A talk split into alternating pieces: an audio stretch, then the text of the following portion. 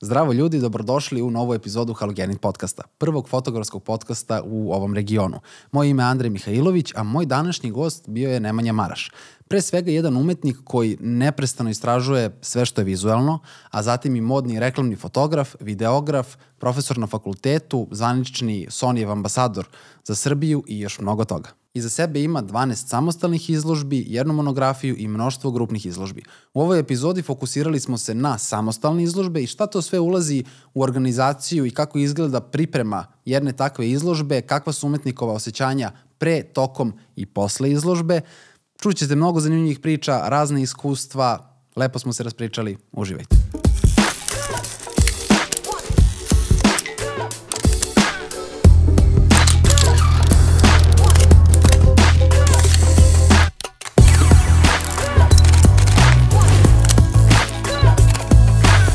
Zdravo Nemanja, Ćao, dobrodošao. Andrej. Bolje te naš. Ja sam te već predstavio ljudima, ali voleo bih u rečenici dve ti da predstaviš sebe. Kako bi ti predstavio nekome, nekome sebe? Ćao, ja sam Nemanja Maraš. Malo opširnije. A, goddammit. Um, moje ime je Nemanja Maraš. Uh, sad ne znam, ono, brate, dugo se nisam predstavljao kao, više nisam diplomirani primenjeni umetnik, sad sam master digitalnih umetnosti i to je zastaralo. Uh, profesor, uh, recimo da sam se svrstao u vizualne umetnike, da mi je to bilo najlakše, pošto fotografija je moj primarni medijum, ali eksperimentišem sa njim i on izlazi u neke u slikarstvo, nazad u fotografiju, u video i tako dalje i tako dalje, ali da kažemo da je u stvari ima ono Uh, Helmut Newton je rekao, čak mu piše na pozadini poslednje knjige, uh, I'm not an artist, I'm a photographer. E, ja sad volim da tvrdim suprotno, a to je I'm not a photographer, I'm an artist. Um, samo je negde fotografija medijum koji sam izabrao kao svoj primarni jel te, jezik izražavanja. Mm -hmm. Imam tu knjigu samo je na nemačkom, samo sam gledao slike. Dobio sam nemački primjerak i kao, ništa ne razumem. Gledajte ich slike. bin nicht Kunstler, ich bin. Divno. Nešto, da. Tu razumem samo ih bin. Da, da, ja okej. sam. Uh, sa šest godina si dobio prvi aparat, kako kažeš, idiot. I s njim si nešto tu fotkao, kliktao, pravio neke fotke. Da li se sećaš uh, šta te u prvima, da kažem, privuklo fotografiji kad si bio dete? Pa znaš kako, nemam pojma, mislim, ostalo je kao u sećanju negde taj, taj fotoaparat koji je, to, to nam je bio jedini fotoaparat u kući u stvari, znaš, taj koji sam ja kao dobio za neki rođendan. Um, I sećam se svašta sam nešto slikao s njim, nisam se ja tad kao nešto ložio da sam fotograf, jel te, kao imao sam mnogo malo godina, ali sećam se ono i mora i ovo je ono toliko filmova nekih ispucanih. Čak ima jedna anegdotica kad smo prvi put mislim to bilo prvi put kad smo išli u Pariz, porodično, mm. ja sam imao nešto 11 godina i imali smo tamo neki fotoaparat analogni koji smo imali prilike, to jest ja sam ga koristio i sećam se da sam ono škljoco, škljoco, škljoco, kako bi se reklo. I u nekom trenutku u Asterix parku na pola sam ja ispucao do kraja filmića, ali rekao, to ti je to, brate, nema više filma. Ćao. tad, sam, tad sam naučio da moraš da razmišljaš o svakom kadru. Ne, ima, ima ih 36, pa ti misli. Ili to ili kupiš filmove, mada danas sa ovim cenama... Mm, ne, hvala. Ja imam jedan, nisam ga ispucao već iha. Uh, posle nije odmah došla fotografija, bavio se muzikom. Tako I je. kroz osnovnu školu, srednju školu više te interesovala muzika. Kad je došlo do izbora fakulteta, dvoumije se da li grafički dizajn, da li fotografija. Prevagnula je fotografija. Uradio si domaći. Jesam. Kako se to desilo? Um, pa da, e, negde kraj sedmog, osmog razreda, u tom trenutku je meni muzika negde u, u fokusu. Radio sam to, radio sam to dosta ambiciozno tada, ali da ne ulazim u to, to je druga tema. Međutim, kad je došlo stvarno do izbora fakulteta, nekako kapirao sam da sa muzikom ne mogu dalje da idem profesionalno, jer bi morao mnogo velike kompromise da, da pravim da bi zarađivo od toga, mm -hmm. a na to nisam bio, izvini Luna, a na to nisam bio spreman. Mm -hmm. E, pritom u tom nekom trenutku pred kraj srednje škole sam nešto počeo da se e, igram sa grafičkim dizajnom, tako da je zapravo moja odluka bila negdje između fotografije i grafičkog dizajna. Tu sam se ovaj, dvoumio do trenutka kad mi nisu predložili i kameru. To jest jedna prijateljica, Vajarka, je rekla kao što ti ne, kao ne razmisliš o kameri na, na FDU?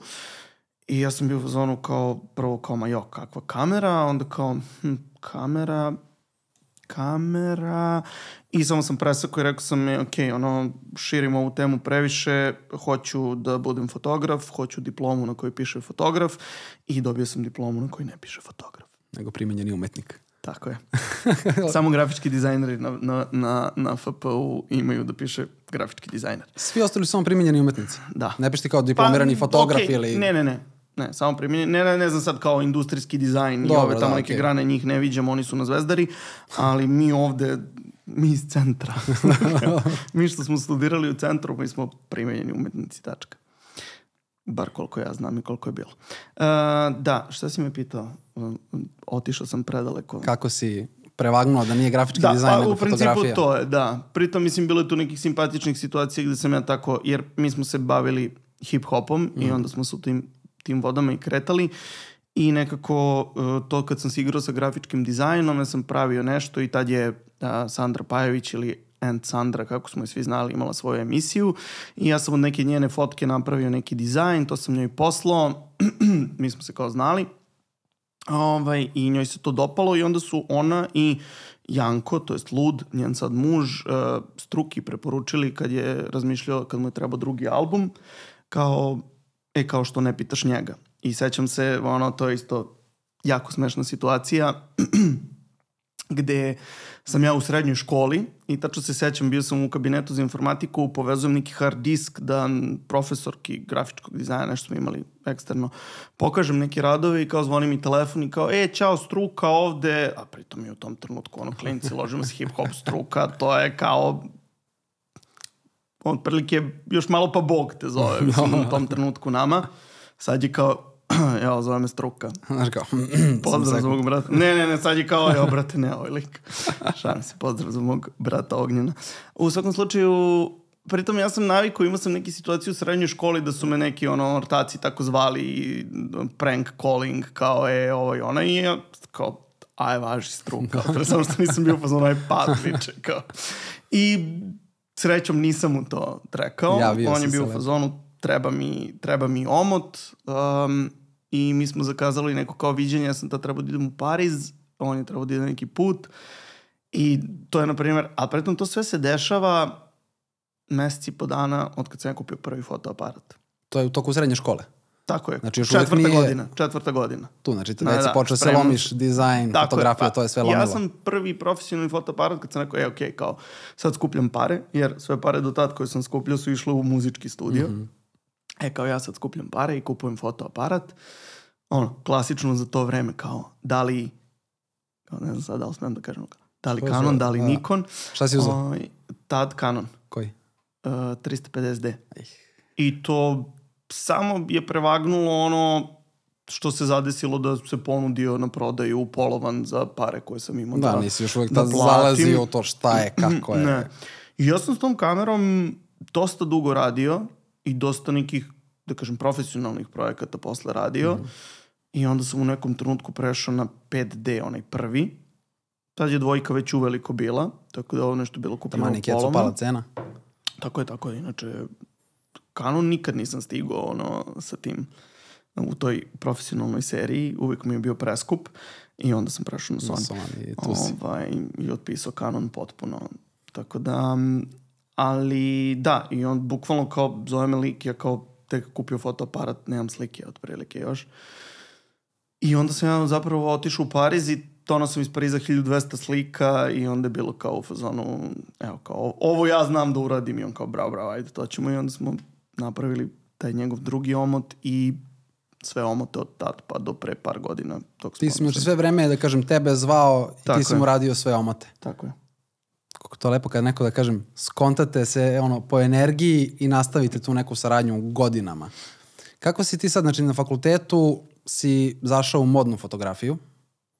Nisam, ja sam, ja sam, moja prva neka ljubav je bila modna fotografija. To je bila prva. To je bilo prvo interesovanje, Dobro. Mhm, generalno, kako pričamo o fotografiji, zato što mi je negde, ono, smatrao sam da je modna fotografija najbolji odnos komercijalne umetničke fotografije. Kao daje ti prostora i slobode da ti sad izmišljaš tu šta god hoćeš, da ono pališ zgrade, ljude, odela, potapaš vamo tamo, a kao s druge strane to je za neku reklamu i to treba se plati.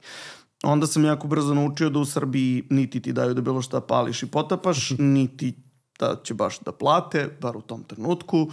I onda je to negde polako Mislim da dosta godina je trebalo da to potone, ali mm -hmm. doći ćemo do toga. Ali da, moda je bila prva, m, neke prve projekte koje sam, mislim, projekte, editorijale, mm -hmm, koje sam radio. Um, sam uh, uh, uh, slikao ono drugaricu iz srednje škole i drugaricu mm iz osnovne škole. Ali sam uradio jednu dobru stvar koja je ono kad mi piti kao šta je tvoja preporuka mladima, pa između ostalog i to. Mislim, dobra stvar je, ja sam radio to što sam želeo mm -hmm. i to sam kačio na neki tad svoj Facebook profil i to je neko video. Mislim, tako sam ja, da kažem, ono, tako išao moj, ja nikad, ja sam imao tu, ajde da kažemo, sreću, da nikad nisam tražio posao. Mm -hmm. Ok. Dolazi od Imao sam možda pauze da ne radim ovoliko ili onoliko ili ovo ili ono, ali uvek je ono nešto prethodno bilo kao preporuka, uvek je bilo, uvek je mene neko zvao kao, e, videli smo, e, mi bio, ej, tako isto tad, mislim na te editorijale, ova drugarica u garaži i ovo kao, fashion, farbao sam neki bicikl u zlatno i nešto.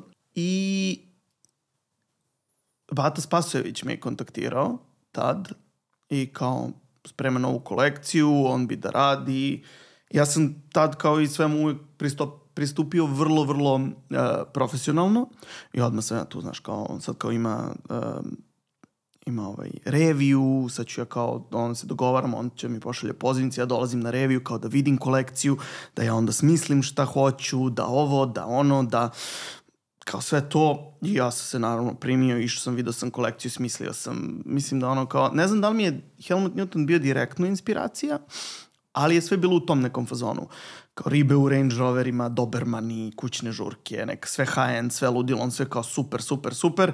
I kao došli smo do realizacije i kao, e, aj slikam ovo kod mene u radnji, tu na brzinu, treba nam za časopis da izađe, bla, bla. I kao, srušio ti je sneška. Buk, sneško se samo ako istopio i ne, ispari u istom se, u istoj sekundi. Ono. Pa si imao prilike tu u tom početku i da ipak nešto eksperimentišeš? Jel si dobio neku određenu slobodu? Ajde, možda ne na samom početku, ali... Pa ne, gledaj, imao sam slobodu, koliko god je bilo moguće, ali ni, nisam imao nisam imao resurse, nisam imao, znaš, skapirao sam da ono nisu zainteresovani bar ljudi s kojima sam ja radio ili nisu bili u mogućnosti ili šta god, neću ja sad da sudim, ali niko nije bio spreman ni da se iscima, da se investira u to da se napravi dobar proizvod. Mm -hmm. Nego kao, ma dobra, aj, dobra je fotka, daj samo da, da ide. S obzirom da si, da kažem, celog života uh, u duši umetnik, šta te je uh, u nekom trenutku privuklo reklamnoj fotografiji, kao da kažem, najkomercijalnijem tipu fotografije koje je prepun tačnih uh, instrukcija uputstva, dobiješ tačan brief, uh, sve nekako dosta ograničeno. Da li si tu uspeo da nađeš neki svoj prostor da se izraziš? Sad ovako kad razmišljam, uh, ne mogu da ne mogu da se vratim uh, tačno u moment, kao što znam za modnu, da ti kažem i kako je počelo i kako se dešavalo, advertising je negde išao kao paralelno s tim. I meni je isto bilo strava zato što, mislim, ti kad gledaš ono strane reklame i strani advertising, tu ima jako puno prostora za kreativnost. Mm -hmm. I onda je to u stvari to je u stvari bila neka ideja koju sam ja imao da, da nekako opet tu kreativnost mogu da ispoljim, da možemo da se ono igramo sa nečim i nerealnim i realnim i kao subverzivnim u svemu tome, bilo je prostora za to. Ima ga. Um, I onda mislim da je advertising došao tako nekako. Um, ono što je kasnije došlo, mimo neke specijalno moje volje, je bio um, ovaj video Video je došao kasnije, došao je prosto nekako um, potrebom tržišta. Ja ga nikad nešto specijalno nisam želao. Jedno vreme sam se čak trudio da ga izbegnem. Na moju sreću nisam, ali i dalje stojim pri tome da je to samo nešto što je moralo da se desi, a ne kao neki medijum koji mene nešto pretarano zanima, pogotovo zato što mislim da koliko god u fotografiji nekako možeš da se snađeš i možeš štap i kanap kod videa da bi to zaista dobro izgledalo je ipak negde važan budžet. Trebaju dosta više ljudi i opreme i, I svega. i svega, da. Šta te na kraju, kažem, kad si, jel, znaš kad si prelomio, ok, idem u video, s obzirom da imao si taj period ono, neću, odbijao si, da kažem, imao si neki gard, koliko vidim prema tome, kad si prelomio, ok, tržište zahteva, svi koji pozovu za fotkanje, pitaju jel radiš i video, jel može da se uradi, kad si prelomio da kao, ok, idemo. Ne sjećam se šta je bio kao povod, znam godinu, znam prvi aparat koji je mogo da snima, jer tad to nije bilo ovoliko dostupno kao sad. Um, to je napravio neka 2013. na 14. A još tad si zašao u video. Da, da, da. da. Dobro, to je isto, da I- kažem, na početku ovog celog video talasa. Tako je. E, s tim što sam ja prvi aparat koji mogu da snima video imao onaj Canonov mali tipa M2 ili Mhm. tako nešto beše. I kao sa tim sam, sa tim sam radio zato što mi je kao PD Mark 2 m, tad još, da li je trojka izašla ili nije izašla, slagaću, nije ni Dvojka je bitno. prva mogla da snima. Jeste, ali mi je bila skupa. I sad ne sjećam se da li je kao, da li mi je dalje dvojka tad bila skupa ili je kao M imao bolji video jer je dvojka već zastarela, a trojka je opet bila preskupa za mene u tom trenutku. To sad ne mogu da se setim. Ali tad sam uzeo taj M, M2 i kao krenuo te neke stvari koje su ono morale jer kao jel imaš, jel imaš, jel imaš. I mislim pozitivna strana je da sam kao prve godine sa videom zaradio više nego prethodnih pet sa fotografijom. Sa, fotografijom. druge strane, ok, s jedne strane prethodnih pet je bio moj početak, pa kao ima i taj faktor, ali mislim i dan danas ti možeš više da naplatiš video nego fotografiju. Pogotovo kod nas i kao ja bar još uvijek nisam ok, tu sam sad negde gde mogu da kažem, e, postavio sam neko ime i nešto i kao mogu ja da tražim za fotografiju sad i neke cifre koje su, jel te, bliže videu, a dalje od te nekad fotografije, ali kao to je, to je sad i opet, naravno, kad će proći, kad neće proći. Drugo, sve je postalo video, evo ti Instagram gura Reelsove, više ništa ne postoji. Tako da, mislim da fotografija postaje jedan krajnje umetnički medijum i mislim ja lično mogu kažem da mi je drago zbog toga. Jel uživaš u tome da su se malo komercijalno dalje, mislim nisu daljeli komercijalno od fotografije, ali su se mnogo više tržište se približilo videu. Nek mi se mani Instagram fotografije. U tom si fazonu. Či volio bi da ti to ostane ono, Pa n- čisto sebi za dušu, ajmo, video je posao, a da se fotografiji vratiš. Pa recimo ako bi, ako bi pravio tu distinkciju, da. Mislim, ja lično smatram da je, da je Instagram ono, oštetio fotografiju, da je Instagram uveo jednu lošu estetiku fotografije koja je postala ono, standard. Zbog? Zbog same neke brzine, da kažem, Z- Ne zbog tipa Kylie Jenner. Zbog svih Zbog, zato što su ono, pa ne, zato što su, mislim, Instagram je napravljen kao, ok, za sve, ti slikaš telefonom, naučiš filtere i on kao izgleda dobro, ali u stvari ključna stvar da su ono te neke ribe popularne, blogerke, ne blogerke, Kardashian, šta god da su one, kako god da je njihovo zvanje, ako to postoji, um, ono, naprave neku sliku koju okače, koja ima milion lajkova i ta slika automatski povlači ono pod kontekst dobro.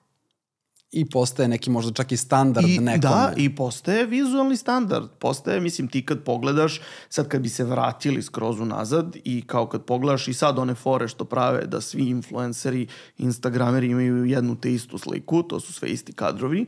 Mislim, ako sve je postalo to, sve je postalo to kao dvodimenzionalno, ti si mali, šuma je velika, šta god. Neki standard definitivno tu postoji i jednim delom su one, oni šta god, e, da kažem, zaslužni za to, ali zaslužni u lošem smislu, zato što je to kao fotkao neko ko ne zna šta je dobra fotka. Ovi su lajkovali zbog dupeta, ovi su lajkovali zbog popularnosti, ovi su lajkovali zbog mm, Chanel, to nije bitno šta god. I, jer, mislim, ono što ja uvek pričam i svojim studentima i svima, um, kao ono što kažu, ono si što jedeš.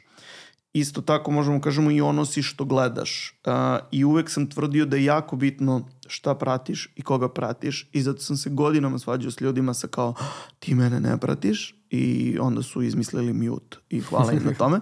Tako da sad mogu da pratim sve, iako imam anksioznost od onog broja, kao što ja pratim 900 ljudi, ono kao, dođe mi bukvalno sam više Zamisli puta. 900 ljudi ispred sebe. Ne, ne, više puta sam teo da se vratim na nulu.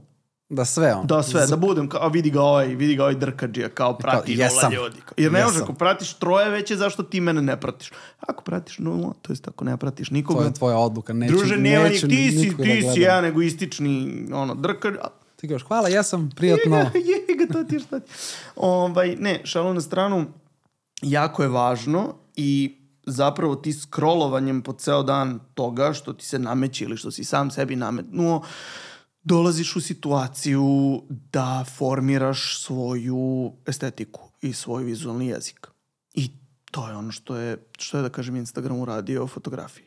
Pa mislim, imaš klasičan primjer da je ono kad je Kylie Jenner kupila Contax T2 aparat koji si mogu da kupiš za 30 evra i jako je od titanijuma, mislim, idiot, što bi se reklo, to je point and shoot kamera Planuo filmska. samo. Mislim da, isp... ne, prvo mislim da više ne možeš da nađeš, drugo ono prodavali su se na ebayu za 600-700 dolara. Kao, Koliko? 600-700. Od 30 dolara. Aj, slagat ću se sad, ali bio, je- bio je džabe, da, bio je džabe, bukvalno. Društvena Kylie mreža. Jenner, brate, ili koja mreže. god, ili nešto. Ili Chloe, nije ni bitno. Ne, sve su to jedna te ista to osoba. Copy-paste. Pa, ceo Instagram manje, manje više postaje copy-paste. Uh, kao što si rekao, drago ti je da se Instagram uh, Ne, vidi, ide na aj, ček, video. Ček, ček, ček. Da samo da dodam, da, rezum- ne bude ajde, samo... Ajde, okay. ajde. Voliš Instagram, pazi. Voliš Pa, ga donekle? Koristim ga, mislim... Koristiš ne, ne, ne, lep ne ti je feed. Ne, ja to moram, meni je... Ja bih Naravno, odlepio je- da mi feed nije lep, to nije zbog Instagrama, to je zbog mene. Ja baš... ja bih da ga obrišem, ali, ali ne, tako da ne znam da mogu da kažem volim ga, ali mogu da kažem potreban je, ima svoje tržište. prednosti. Ok, kad sam ja počinio, to je bio Facebook. Tako da da, služi za posao, služi da se probiješ, služi da neko vidi tvoj rad, ali je podjednako i opasan. I sad, aj sad ti izdoziraj. Što je vrlo teško. Ali dobro, tebi opet taj isti Facebook ti je u početku dao neku vidljivost koju možda inače ne bi imao. A ne, ne, to je, kažem, to je dobra Ako znaš strana... da ga koristiš, to je dobra može da strana služi, toga. da služi svrsi. Uh, I tokom studiranja, no, od početka studiranja si uvek bio, uh, pored svega ovog što si zašao u komercijalne vode, naš, nalazio si uvek vremena za svoj neki umetnički rad, za umetničko uh, izražavanje i pa za ovih koliko zadnjih više od 10 godina koliko se baviš fotografijom, uvek si na svaki godinu dve nalazio uh, prostora i vremena da nas sve iznenadiš sa nekom novom izložbom. Tvoja prva izložba 2009. godine u galeriji Darmar, koju drži tvoj otac, je li tako? Ako sam Tako dobro ali- zapamtio. Je li u Darmaru je bio 2009. prvi zadatak? Ne, ne, razmišljam o godini. Jeste, jeste u Darmaru. Prvi zadatak sam- se zvala izložba. Tako je. Kako ti je bilo celo to iskustvo kada ti kao jedan mladi umetnik, mladi autor prvi put izlažeš, celo to iskustvo organizovanja izložbe i čime se bavila ta izložba? Znaš kako, iako to zvanično jeste moja prva samostalna izložba, ja nekako tu izložbu držim u zagradi. Ona je sa fosnotom. Um, prvo to smo radili moj kolega Boris Mirkov i ja, iako se to i dalje zvanično vodi kao samostalna izložba. Um, ne doživljam to skroz kao prvu izložbu, zato što je bila i zadatak. Znači, profesor Mitar Trninić koji je tad nama predavao je zadao kao zadatak meni i Borisu e, zato se i zove prvi zadatak, da zapravo e, na prvoj godini na, na, na primenjenima ti imaš tih nekih 40 ja mislim, zadataka, vežbi, koje su ono da naučiš elementarne neke e, stvari oko kompozicije i ostalo. I onda je e, njegov zadatak za nas, kao najbolje u klasi, bio da e, sad neke te zadatke uradimo, ali stvarno dokumentarno. Znači, zato što ti, ne znam, imaš figura, polufigura, tri figure pred praznim zidom, ovo ono, i kao to si sve radio naravno sa kolegama i montirao i kao, aj sad vi stanite tu. E sad je bila ideja kao, aj sad sve to da zapravo uhvatiš i zabeležiš. I kao napravite izložbu. Mislim, to je bilo u galeriji koju drži moj otac, zato što realno nije postojala mogućnost u tom trenutku bude bilo gde nije bilo mogu, mislim da ja nisam tad imao galeriju, ne znam ni gde bi napravili, jer bukvalno je bilo u fazonu, evo uradite i napravite izložbu. Do, imao si mogućnost da kažem iskoristio si je na najbolji mogući način. Tako je. Ali kažem, ne smatram to svojom prvom izložbom isto kao što negde ni svoju prošlogodišnju izložbu u Parizu ne smatram svojom izložbom, zato što i jedna i druga su negde uh, naručen zadatak u neku ruku i zato što mislim da ne odgovaraju 100% onome što bi ja svrstao u svoj opus. Mm -hmm. Tako da tehnički ja svojom prvom samostalnom izložbom smatram sledeću koja je bila da li iste godine, da li 2010. Not for sale, um, gde sam ja pobedio na jednom konkursu art centra i dobio sam mogućnost da napravim samostalnu izložbu. E sad, ono što mogu da kažem, znači kao krenulo, moje interesovanje je počelo od modne fotografije, ali ono za što mogu da budem zahvalan fakultetu je što se ono proširilo na, na koncept, na umetničku fotografiju. Mislim, ni na fakultetu nikad nisu volili to umetnička fotografija. To je, ja mislim, kao sva fotografija. To je sad ono, Pa, jedno filozofsko pitanje nije, ali- nemam svoj stav po pitanju toga, tako da ćemo to samo sad ostaviti tu na stolu. Ali recimo ono što mi je zanimljivo, jer kao eto i pitanje za sve one kao što ići na fakultet. Moj stav je, iako gomilu stvari mogu da zamerim i mogu da budem nezadovoljni svojom klasom i na neki način profesorima za ovo ili za ono. Ono što definitivno mislim da je dobro kod fakulteta kao takvog je što si ti fokusiran na tu temu, što si koliko toliko okružen tim stvarima i to ti pomaže da se razviješ. I otkrivaš neke nove stvari o kojima nisi ni razmišljao kroz predmete za koje ćemo svi uvek vikati jao šta će mi ovo. Jer je samo još jedna obaveza i samo još jedan ispit. Ali recimo ja se isto sećam kao odličan primer zašto nikad ne reci nikad. Um, sećam se kad sam baš pričao sa profesorom na fakultetu, uh, tad sam pokušavao da nabavim, ima serijal koji se zove Contacts. Uh, tri DVD-a su, uh, Contacts su inače kontakt kopije, um, tako se i zove serijal. I sad prvi DVD je, na primer, um, više istorija, drugi DVD je savremena fotografija i treći DVD je konceptualna fotografija. I ja se tačno sećam da sam njemu rekao, eto kao pokušavam onda nađem, nema gde da se skine, tad je torrent bio malo nezastupljeniji, ali kao bila je veća muka naći bilo šta. I ovaj... I sećam se, rekao sam, ma eto, mislim, važno mi je da probam da nađem ova dva, rekao ovo treće za koncept, mi nije To si ti toliko. rekao. To sam ja rekao. Vrlo Nije čudno. prošlo godinu dana, Daj mi život treći. kao takav. A koncept? A koncept. Tako da ta, tad sam ono naučio da nikad ne reci nikad. Mm, I koncept je meni postao naj, najzanimljiviji. Mislim, sad to je, to je nezgodno, recimo, jako problematično ti kad ukucaš na Google conceptual photography, to je takva đubrat izlaz. izađe- Znači, to su, to, to ne, to, to nemojte da kucate. Um, ali suština je u stvari to u ideji, u seriji koja pokušava tu ideju da proprati, da li je ona društveno aktivna, da li je mm, ono, introspektivna, što je posle postao moj rad ili tako dalje i tako dalje, ali da postoji nešto iza, iza toga, što mu, da kažem, daje težinu. Da, nije, A, nije, nije samo fotografija, lepo. nije fotografija radi fotografije, radi neke čiste estetike. Tako je. Uh, posle, Mislim, lepo radi lepog ne podržavam. Tako pa, da. voliš da ima priču, da ima, da ima taj koncept, kao što kažeš, mora da ima neko značenje, težinu. neku težinu, da, da nešto komunicira, da nisu same fotografije. Uh, posle te izložbe koju, da kažem, ne smatraš izložbom, ali izložba je. bilo Okej, kako bilo, slažem se. sve, sve je to izložba, usledilo ti još 11 izložbi, posle toga samostalnih. Tako je. Zadnja je bila Humans, ona je bila 12, ali Sad tako? u decembru. Uh, između ostalo ima se, znači, Not for Sale, 3818, Buđenje, a pre i zadnja Humans. Bilo to je tu nekih između... ovo su neke, da kažem, koje to si su- ti da. sam izdvojio i koje si, da Tako kažem, izdvajao kroz, kroz neko tvoje prezentovanje. Uh, to je, da kažem, pozamašan broj izložbi. Kako si ti uspeo da pronađeš balans između komercijalnih projekata i svojih ličnih projekata? Pa vidiš, to je sad zanimljivo kad pogledaš iz te perspektive i kad ti kažeš kao eto... To je maltene si- jedna godišnje. Pa da, a pritom između poslednje i pretposlednje je bila pauza od pet godina. Pet godina. Pošto si rekao na svake godinu dve, rekao pa baš i nije, Nije. ali to sam malo zakazao.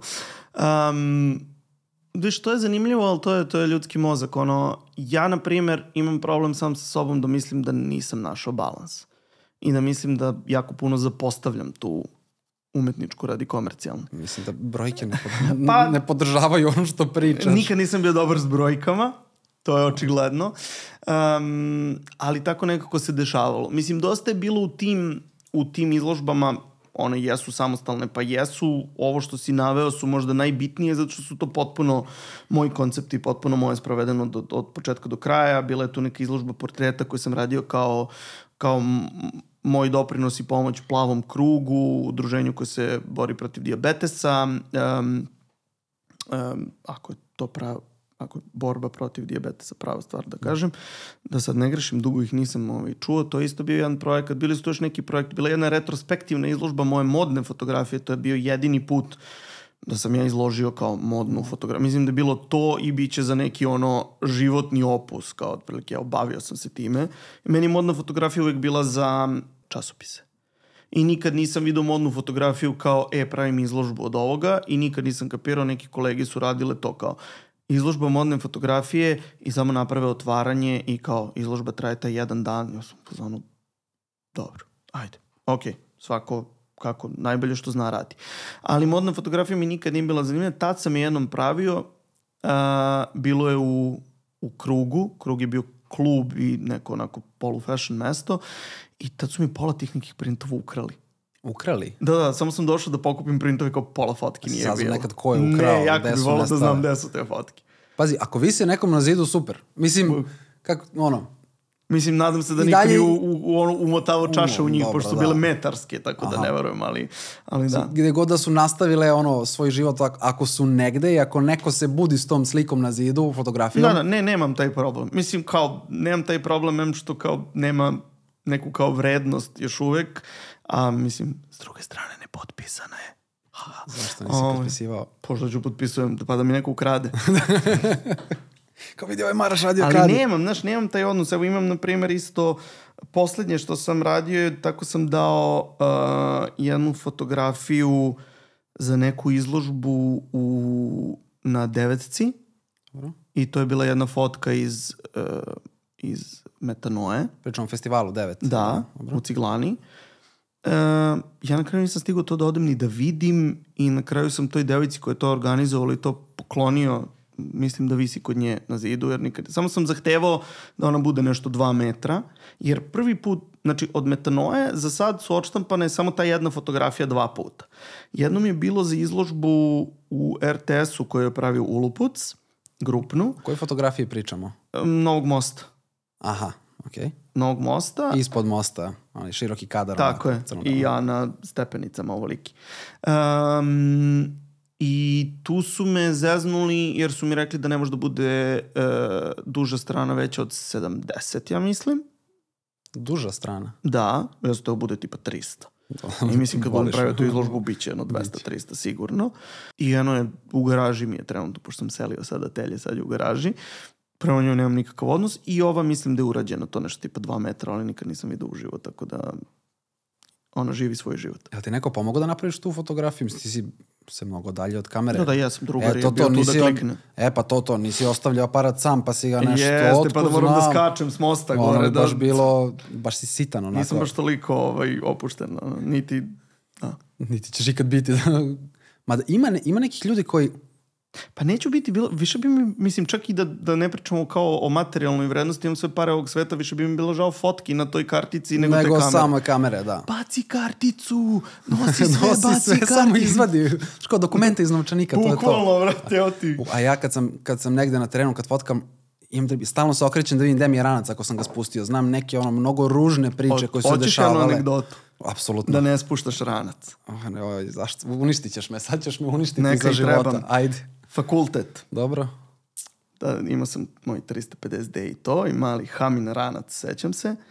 I sećam se, ulazim u Kralja Petra u jedan haustor, ono, gde, gde, gde su automobili parkirani i drugar slika drugaricu, ja vidim kao ja ono u tom nekom kaputu, dve neke bube stoje parkirane identične, ja kao ja za zadatak, ajde stani, stani ovde da te slikam, d, d, d, d, d, spustio ranac, ovako slikam, slikam, čujem pali se auto i ovako se okrećem, a ni pet ni šest, ovde iza mene stoji stojadin i ovako lika kreće i kreće da prelazi preko torbe.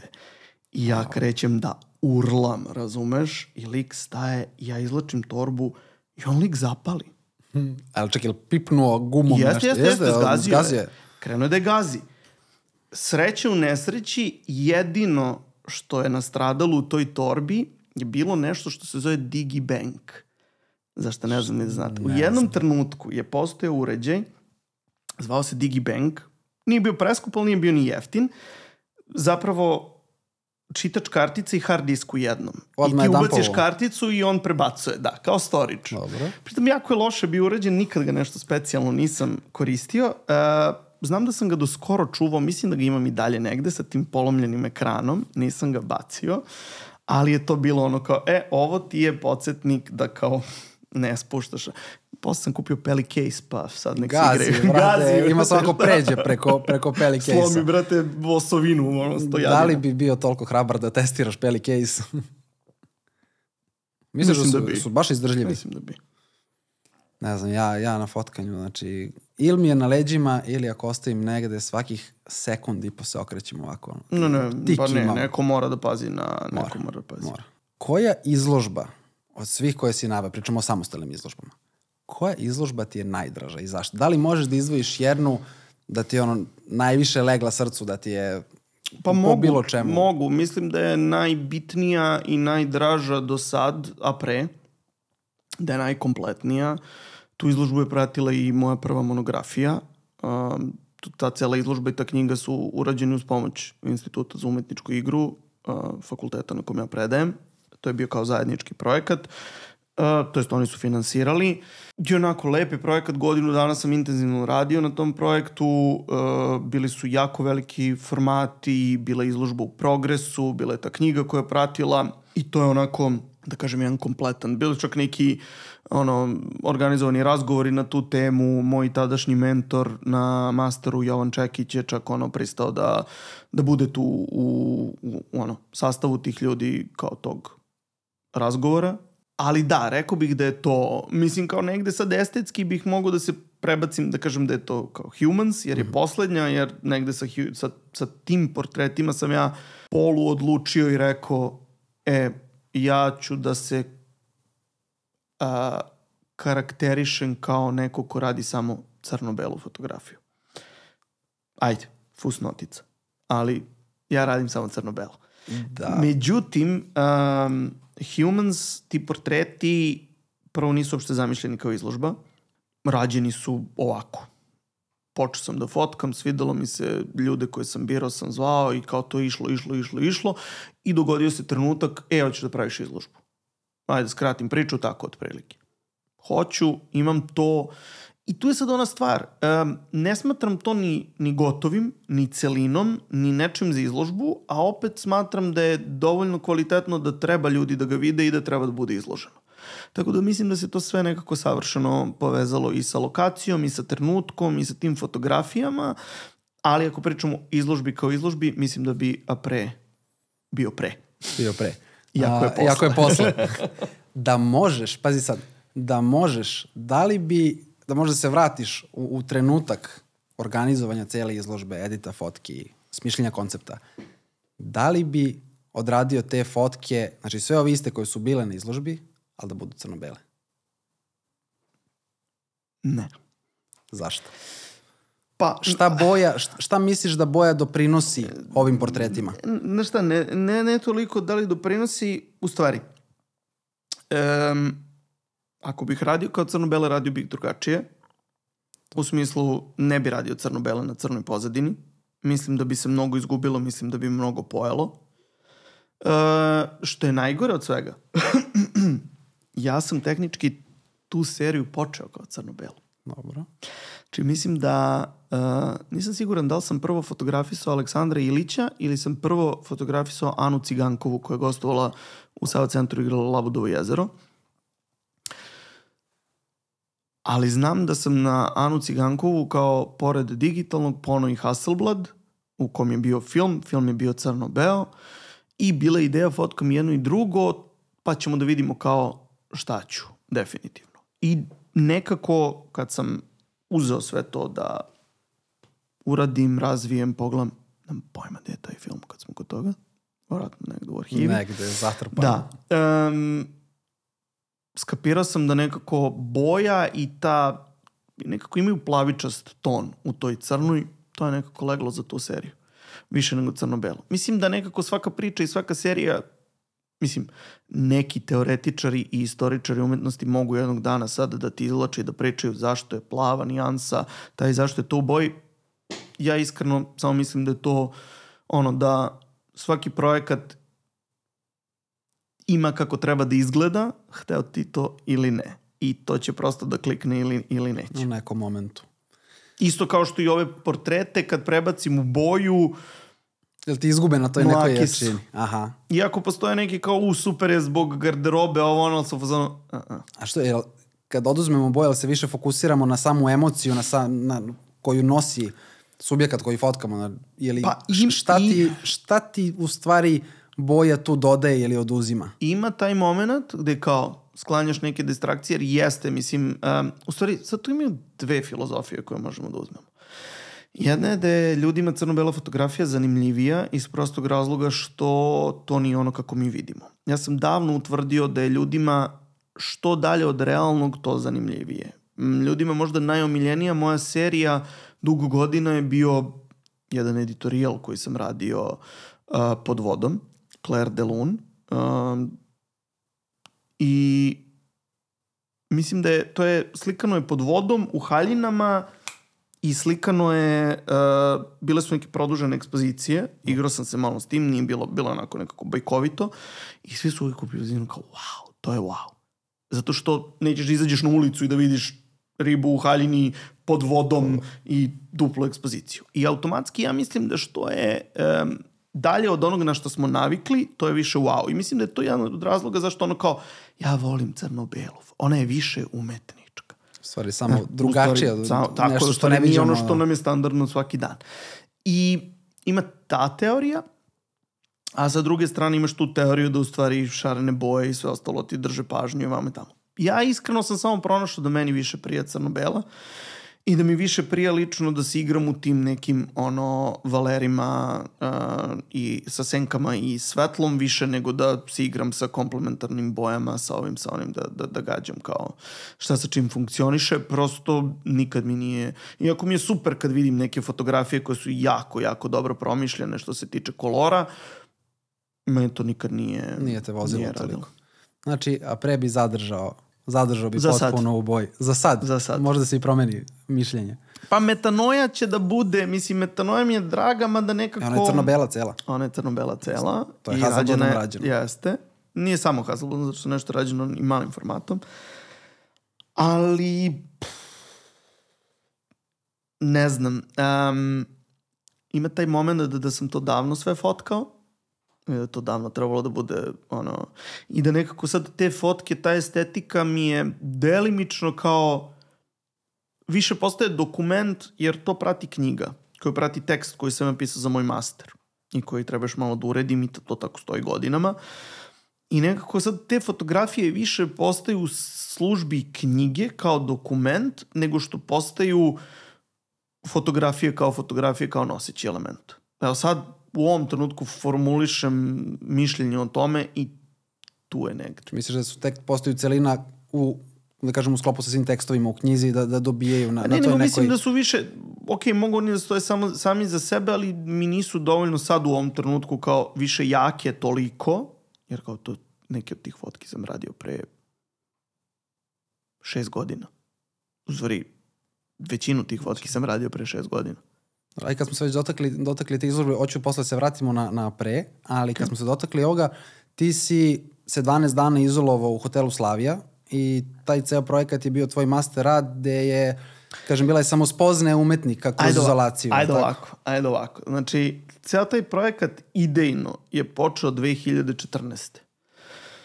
U nekom mom tad i emotivnom rastrojstvu i nekim ono, to je valjda trenutak 23 godine, počneš preispituješ sebe i, i sve i ja sam tu negde dosta preispitivo i te neke, da kažem, kritike, ono, e, ovo možeš, ovo ne možeš, ovo možeš ovako, ponašaš se ovako, ovakav si, onakav si. Mislim, to i dan danas dobijam s neke strane, ali sam napokon možda naučio da budem u fazonu sam takav. Prihvatio si. Takav ono. sam. Ko si, šta si, kakav si. Ok, radim na sebi aktivno i to je najbolje što mogu i kao do tad to je što je. E, tad je počelo to kao prvi, tad sam u stvari prvi put posumnjao u sve što sam naučio i mislim da je to jedan važan, važan trenutak po pitanju uh, samospoznaje.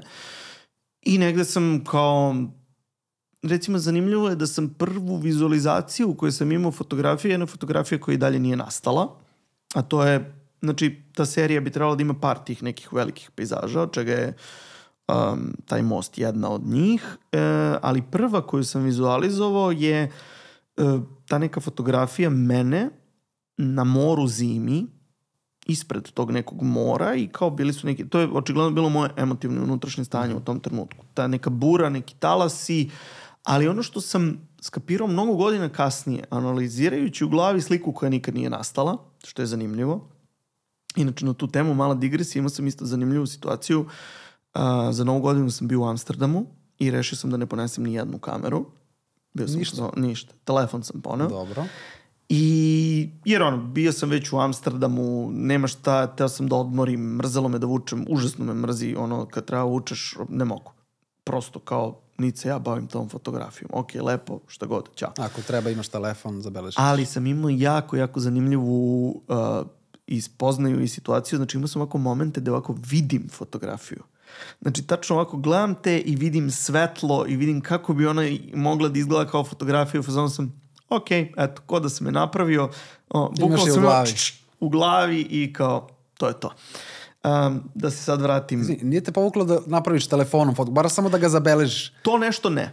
I ja sam znao da ne mogu telefonom da izvučem to to što što, ti sam u glavi, onda Da. nisi Fotkao sam da- ja da- telefonom neke stvari i kao ok, nije da nisam napravio nijednu fotku, ali te baš neke stvari su samo bukvalno bile ono, fotke u glavi. Mhm. kao, mislim da izložba od toga ne može se napravi, ali kao ok. Može uveče u jedan ujutru u krevetu kad razmišljaš. Tako možeš je, zamisliš sve, apsolutno. Kroz oči onda I dođe otvaranje izložbe i Tako sve. je. Um, da, i onda je, kažem ti, nastala ta fotka za metanoju u mojoj glavi koja, gde, gde sam ja ispred tog mora i ti talasi i sad je to ono variralo u smišljenju da li sam u kaputu, da li sam polugo, da li sam u martinkama, da li sam bos, da li kako. Ti, pritom, mislim, ideja je bila da su ti talasi kao na japanskim grafikama, ono, 2D, samo tamo na pučini. I posle kad sam razmišljao o tome, kad sam analizirao, sam skapirao da kao, ok, kao, to je neko moje emotivno stanje i unutrašnje stanje u tom trenutku. Postoji ta bura, postoje ti nemiri, a kao s druge strane sam čekala, ja i dalje sebe zamišljam, znači ja stojim na obali, gledam u to, kao ok, sam, to me ne ugrožava, nisu to talasi koji meni potapaju, ni... ja samo posmatram tu svoju situaciju i samo kao treba da je posložim i sredim. I ok, krenulo iz toga, e, šta ću, kako ću, ja sam par meseci pre toga planirao da, to jest aplicirao za master u Berlinu, koji nisam dobio. Um, evo ovde da ostane zabeleženo zauvek, dobio sam pismo od uh, UDK, Univerzitet der Kunst, um, na nemačkom. Mislim ovako, ja nisam dobio ni master, ni stipendiju zato što nisam dovoljno znao nemački. Mm. Za upis na UDK nemački je bio potreban C2. C2. C2. Evo ih malo ga Da, pretaraš. da, ne, nema šanse. Uh, pismo koje su mi pritom poslali na nemačkom, od čega ja znači očigledno ne znam nemački, Namerno. a pre, prevela mi je ta profesorka tad i ja sam nešto tu ono ukočio, ali sećam se da mi je ostalo, imam to pismo još uvijek negde, ostalo mi je onako zabeleženo su mi otprilike napisali ono hvala za prijavu, ali vi ste glupi i netalentovani, doviđenja. Možda malo lepše od toga, ali ne mnogo lepše od toga. Samo. To mi je, tako mi je ostalo zabeleženo. I samo sam tad rekao, vidimo se jednog dana. Da li ti je palilo onako šamar ili ti je samo proradio sr srpski inat? Srpski inat. Srpski inat, Srpski inat, bio sam u fazonu jednog dana ću doći ovde gost, kao gostujući predavač. Jebam ću vama. e, Desit će se. tako je. Um, pazi, imam tu sreću, iako uh, nisam uvek, iako to ne deluje tako, nisam uvek m, baš najbolji sa samopouzdanjem. Uh, očigledno ili dovoljno sam verovao u sebe ili me je nešto dovoljno guralo, jer to me ni u jednom trenutku, znači ja ni u jednom trenutku tu nisam sebe zapitao, kao, čekaj bre, sam ja stvarno glup i netalentovan. Ne. A onda s druge strane, nisam se puno prijavljivo na konkurse u životu, ali 98% konkursa, konkursa na koje sam se prijavio nisam prošao. Nisi prošao. Nisam prošao. I nije to obezha, o- obeshrabrilo. Ne, samo sam rekao neću više se prijavljam na konkurse. Radim svoje, šta me Tako je. vozi i to je Tako je. prošlo. Pa ne, ali mislim zaista, ali jako je nezgodno. Mislim, vidi sad, ajde sad kao da ne budem ja mnogo nadobudan ili šta god, da mi sad uzmemo. Znači, imam šta sam uradio. Uradio sam 12 samostalnih izložbi, a ne kao uh, imam nepresušan izvor uh, financija i kao kupujem galerije i pravim izložbe. Ne. Zapravo, ni jednu jedinu galeriju nikad nisam platio. Znači, da li konkurs, da li otvoren poziv, da li ovo, da li ono, znači dobio sam prostor da pravim te svoje izložbe. To što znači nekome su valjale. Um, uradio sam to što sam uradio sa svojim život- životom i karijerom do sad, ima još da, ne, ajde da kažemo, nešto tu valja. Nije bitno, na skali od 1 do 10 nije bitan broj, ali nešto tu valja. Ako uzmemo da pogledamo da nisam prošao na jednom konkursu, znači da sam malo manje bio siguran u sebe, ja bi sebe doveo u situaciju da Preispitivanja svog rada. Možda da odustanem. Zato mislim da ono, ok, treba se prijavljivati, ali ne treba to uzimati. Iako si im, ima i ole povodljiv da te to be... Batali bre konkurs. Da, Pritom ja se sećam, ono jedne godine sam aplicirao uh, za Rovin Photo Days. U žiriju su bile dve osobe koje sam poznavao. Pritom ne kažem tu u fazonu kao, e, na vezu me proguraj. Nego kao, znači, to su neke osobe koje su i znale moj rad. Da li je to možda i pomoglo da ne prođem? Ne znam. Pritom sam se ja prijavio u 3-4 neke kategorije. I Not for Sale je, ja mislim, tad bio prijavljen i neka moda i ovo i ono. Nigde nisam prošao. Da, to može ozbiljno da te, da te obeshrabri, da ti takav šamar lupi. Plus, kad sam video šta je pobedilo kao modna fotografija, onda meni iskreno to nije bila modna fotografija. To je bio neki polunovi trend koji se, ali ono, ja tu nisam video. Da li je sad tu moj ego bio povređen pa je to dopreno, nije bitno. Ali kao bio sam u fazonu, ok, ovo pobedi, ja ni ne prođem ni u jednoj kategoriji. Malo sam bio u fazonu, ali definitivno nešto konkursi ja ne funkcionišem. Dobro, ti si izgurao si svoje neke ideje koje su dolazile češće ili ređe u odnosu na, na neki period života. A opet ću se vratiti napred, ti si na ideju za, za celu tu seriju fotografija, da ne krenemo izložbe, od- na ideju za same fotografije si došao dok si gledao drugu predstavu. Pa zapravo taj proces je išao ovako. Uh, znači, celo to moje istraživanje koje možemo naz nazvati portret nesvesnog je počeo sa buđenjem. Bu buđenje je prva verzija toga. Um, moja mama je igrala balet Obraševiću. u Abraševiću, tako je, i moja neka ljubav prema baletu, mislim da je vučem od, od nje. Tako da i negde ta knjiga je posvećena njoj, što i piše na početku. Um, I ja sam u jednom trenutku, tad sam i počinjao polako da radim na Institutu za umetničku igru, što je Baletska akademija, um, da ja predajem predmet pokriti sliku, što je u principu elementarna tehnika fotografije, ali prilagođena njima iz nekih drugih razloga, ajde da ne širimo sad to. I ja sam rekao, ja bih volao da slikam baletske igrače. I meni je tad uh, moj prijatelj i kolega i između oslog osnivač Instituta za umetničku igru, Aleksandar Ilić, pozirao za jedno slikanje. Imali smo jednu uh, njegovu prijateljicu iz uh, Koreje koja je isto tu bila, koju smo slikali i kad smo to sve, kad sam islikao te dve sesije, da kažem, ja sam s njim gledao te fotke i tad sam skapirao da koliko god znam o fotografiji, da ne znam dovoljno o baletu da bi ja to radio. Jer sam skapirao da ono što je meni dobra fotografija ne znači nužno da je igraču dobra fotografija, jer nije pik pokreta, ni ovo, ni ono i to su prosto neke stvari. Nije više samo kao pozadina, mm, kompozicije i ostalo, nego je i pokret. I ja sam u tom trenutku rekao, ok, ja ne znam dovoljno o pokretu da bi to, to ide na led. I to je tako stajalo, da kažem, na ledu dve godine.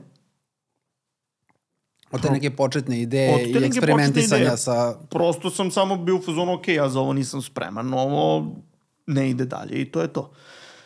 I onda sam gledao jednu predstavu u Bitefu i jedna naša studentkinja je igrala u toj predstavi i to je jedan portret od kog je, da kažem, nastala cela serija, ali se nikad nije desio. Dobro. I u toj predstavi u jednom trenutku njoj uh, ve, uh, lepe selotejp oko glave. Skroz nešto. Ima neka, neko dešavanje. Ja sam samo ako sedao sam gore na balkonu i sećam se da sam vidio i bio sam u fazonu zamisli portret sad iza krupno samo kao portret, ono, ovaj selotejp, znoj, svi ti detalji, kao, kao ta energija koju ona nosi. I kažem sebi, čekaj, u stvari, što bi ja jurio igrača i pokret ako to kao... Nije tvoje. Nije moje. Zašto ih ja samo ne bi stavio da sednu? I tu je negde počela u stvari ta ideja um, gde, kako se zove, sam ja bio u fazonu, ajde da nastavim tu ideju, da kažem, portreta nesvesnog, ajde da u stvari probam da emociju, energiju koju oni nose sa scene uhvatim posle. I tu sam i uzao da njih, me, meni je set uvek bio iza scene, koji se postavljao pre predstave, ja sam iza scene čekao celu predstavu, tako da je tu negde ono vežbanje zena i vežbanje strpljenja. I kad bi igrači završili, sve vreme zaobilazim Lunu koja da, spava mirno da, ispod, dole, pokušavam da je, ovaj, um, kad bi završili, uglavnom postala je situacija kad nije bilo tako, ali trudio sam se da bude jedan igrač po predstavi. Samo jedan? Samo jedan. I ima situacije gde nije bilo, da se ne lažemo, ali trudio sam se da bude tako. Zato što naučio sam, kad sam slikao Anu Cigankovu, koja je bila pri početku, slikao sam nju i slikao sam njenog partnera, koji nikad nije još ušao u selekciju. Zato što sa njom sam naravno, ne to bio jedan od prvih, ono, dok sam ja to islikao, dok ovo, dok ono, to je malo potrajalo. Dok je on došao i seo, to je bilo klasično poziranje. Jel izašao Jer skroz, postoje svestan tako svega. Tako je, vratio se, tu je, sad se on slika, više nije u predstavi i to je meni ono, te slike nikad nisu ušle u izbor. Znači samo taj prva osoba koju, da kažem, ti si pretpostavljam, izabereš koga ćeš da, Tako. da li im najaviš to fotkinje da, da, da. ili znači, ne, ne, najaviš ne, moralo, znaju, moralo, pa nije moglo posle, tehnički drugačije. Ali posle da. dva sata predstava i ne mislila o tebi, oni kad uđu u backstage, či ti hvataš tih koliko prvih minut, dva odma, sedne i... Tako je. Imaš jedna jako zanimljiva anegdota sa tog slikanja, isto i Sava centra, ali jednog drugog, a, uh, Kilijanove produkcije su bile i u predstavi igraju njegova žena i još jedan gospodin. Oboje su ono 70 plus, ja mislim. Da ne uvredim nikog. Um, ali jesu, mislim, ono, stariji su ljudi. I sad trebalo je da fotografišem njih dvoje posle predstave. Samo oni su igrali. Pritom je bila ono, to je bila festival igre, bio je mali setup, publika je bila na sceni. Uh, I ja tad rešim, pošto nisam imao asistenta i mrzelo me da vučem blic glavu, poneću samo blic. Stavit ću ga na stativ, trigger, ali samo blic. Sedaju njih dvoje, nema svetla. Ja nemam pilot svetla. Ne mogu da ubodem fokus. Z, z, z, z, z, z, z. Samo šeta. Oni su nervozili, vidim već u fazonu su, jel gotovo, ne mogu da napravim fotku. Već postaju svesni, već su izašli. Ne iz... mogu da napravim, nisu, nisu, nisu izašli skroz. još, ali su oni, mislim, od starta su bili vrlo, ono, kao, ok, u, učinit ćemo ti ovo, ne znam ni preko koga ni zašto, ali kao, ok, uradit ćemo ovo, u stvari smara nas. Mm. Sad smo završili Požuri. predstavu, hoćemo da idemo spavamo, ono, bajt beži. Ja pritom gledam oko sebe, nema nikog, svi koji rade u South centru su izašli na pljugu ili kao nema, nikog. I ako vidim jedan prekidač na zidu i upalim svetlo. I tap, tap, tap, tap, tap, uslikam i oni odu. Nastaje panika u backstage. Ko je palio svetlo? Ko je palio radno svetlo? A? Ja ovako umesto da budem klasičan lik, da kažem... Jesi ti kako? Ne, ja kažem, Yes. Ja. Da si ti normalan, bla, bla, bla, bla, bla. Nešto se izdrali na mene, ja sam bio u fazonu, hvala, doviđenja, pritom. Ja imam svoju fotku, ne interesuje. Bukvalno, pritom, znaš, da je to za vreme predstave. Nego ono, publika je već faktički izašla, ok, razumem ja njihova pravila, ali su u fazonu, druže, a gde ste vi? Idite sad nazad na pljuku. Drama radi drame. I to je, to je trenutak, ali to je stvarno, mislim, ono, možemo kažemo, što bi Bresson rekao, decisive moment, to kad ćeš da klikneš. Nije ni samo kad ćeš da klikneš. Znači ja sam mogu da izaberem. Ili da napravim potencijalno neki problem, Mislim, nema problema, samo klasično no, ono, dramljenje lika na plati, ono, u državnom preduzeću. Bukvalno. Daj da se, Ali, okay, da se nešto dešava. Ali okej, posao da drami. Ok, fair enough.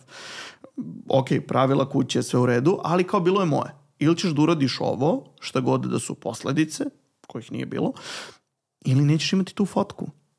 A kao to je samo sad i nikad više. Nije kao slikam tebe pa kao je, brate, nemamo svetla, dođi preko sutra da uradimo opet.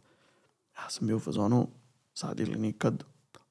Ali misliš da je, da je ceo taj moment doprinao nekoj njihovoj ekspresiji lica, emociji koju su tad imali, da je nešto uticalo? Ma jok, ma jok, nije se to ni specijalno primetilo, to samo spasilo moj autofokus. Dobro, mislim, prosto to je bilo sve vjerojatno u minut, nego se to Tako je. činilo tako, mnogo tako duže. Je, tako je, tako je, to je sve bilo, jer, pogotovo jer i tebi. bukvalno ja sam kao pokušao dve fotke, oni kao je smo gotovi dva puta, okinu blicu, ono, mutno. Canon ne može taj moj tadašnji da ubode u mraku fokus, žao mi je. I kao, pali svetlo, tap, tap, tap, tri fotke, hvala, doviđenja. Koliko tad, kada ih fotografišeš, koliko ti osjećaš njihovu energiju? Da li, da li izlaze isto, da već kreću, da, da obraćaju pažnju, da poziraju, koliko zapažaš te detalje? Jel ti se desilo da kreneš da fotkaš i da neko jednostavno, koliko god da je umoran, u sekundu, u sekundi samo ispozira i ti vidiš da, da nije to to? Bilo je. Um, sad kao koliko ja osjećam, znaš kako moj trenutak u tom, moj fokus u tom trenutku je e, ajde da bude svetlo kako treba, da bude fotka kako treba, da bude sve kako treba. Um, ali s druge strane, da, bilo je ovakvih i onakvih, bilo je kad odmah provalim depoziranje, nema veze koliko je, ali dobro, neki su bili tu iz ovih razloga, iz onih razloga, tako da neke fotke su draže, neko, neke manje draže, ali moja ideja je bila, znači, postavljam ih, što manje inputa, znači, eventualno kad sednu kao, e, aj na ovu stranu se ipak okreći. I tu je kraj. Gledam da gleda što manje inputa, da bi to bilo što prirodnije, to jest da bi prepustio tu njihovu energiju, da ih ne diram i to, ta, ta slika nju trajala po pet minuta. Tap, tap, tap, Celu predstavu čekaš samo zbog Tako ono, jedne slike. Koliko puta okineš ti?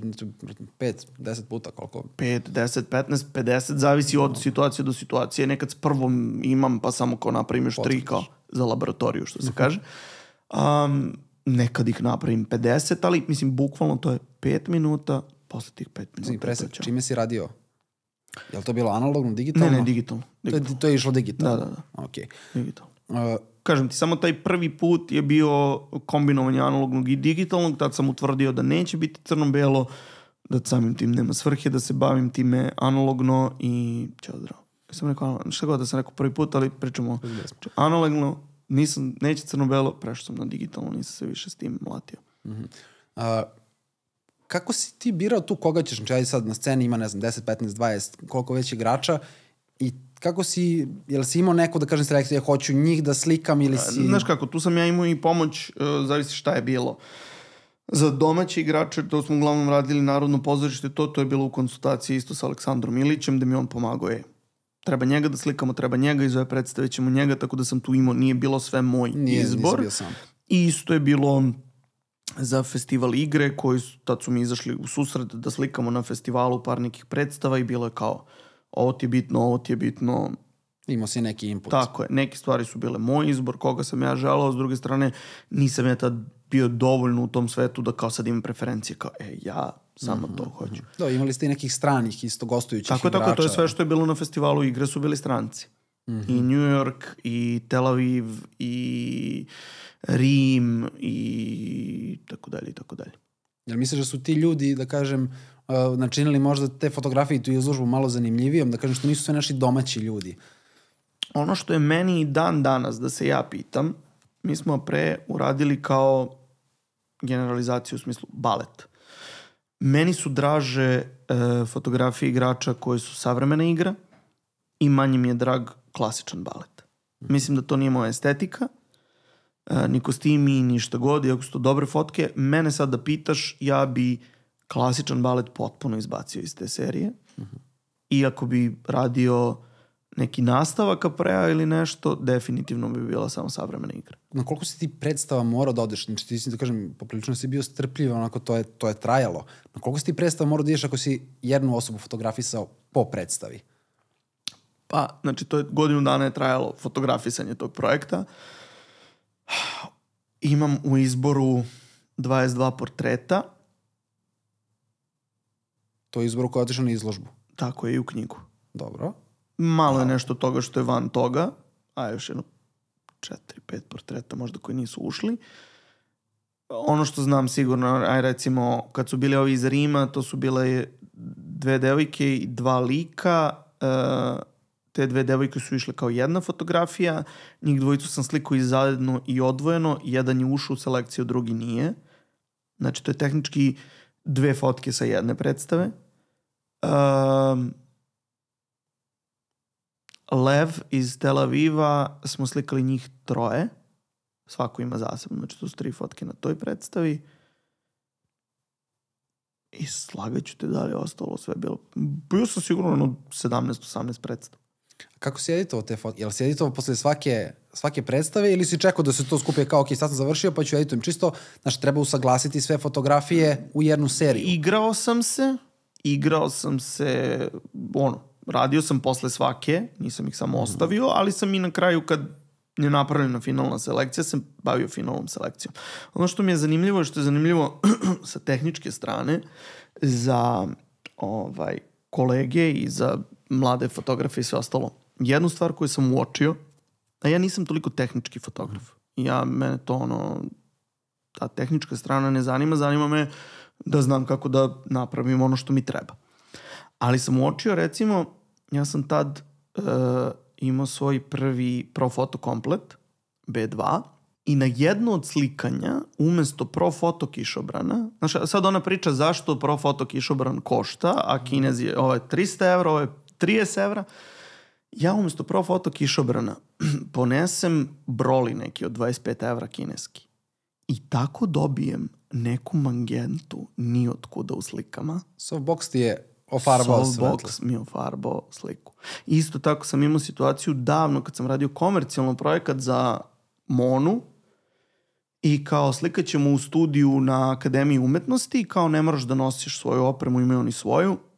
I ja dolazim, oni su imali neke kineske glave.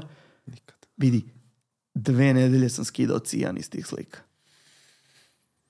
Tako da, posle kad mi neko, ma ne, to je isto. Baš. Ja sam ja i kad sam išao neke druge studije, mislim, koliko god glupo zvučalo, ja sam volao ponesem svoju rasvetu.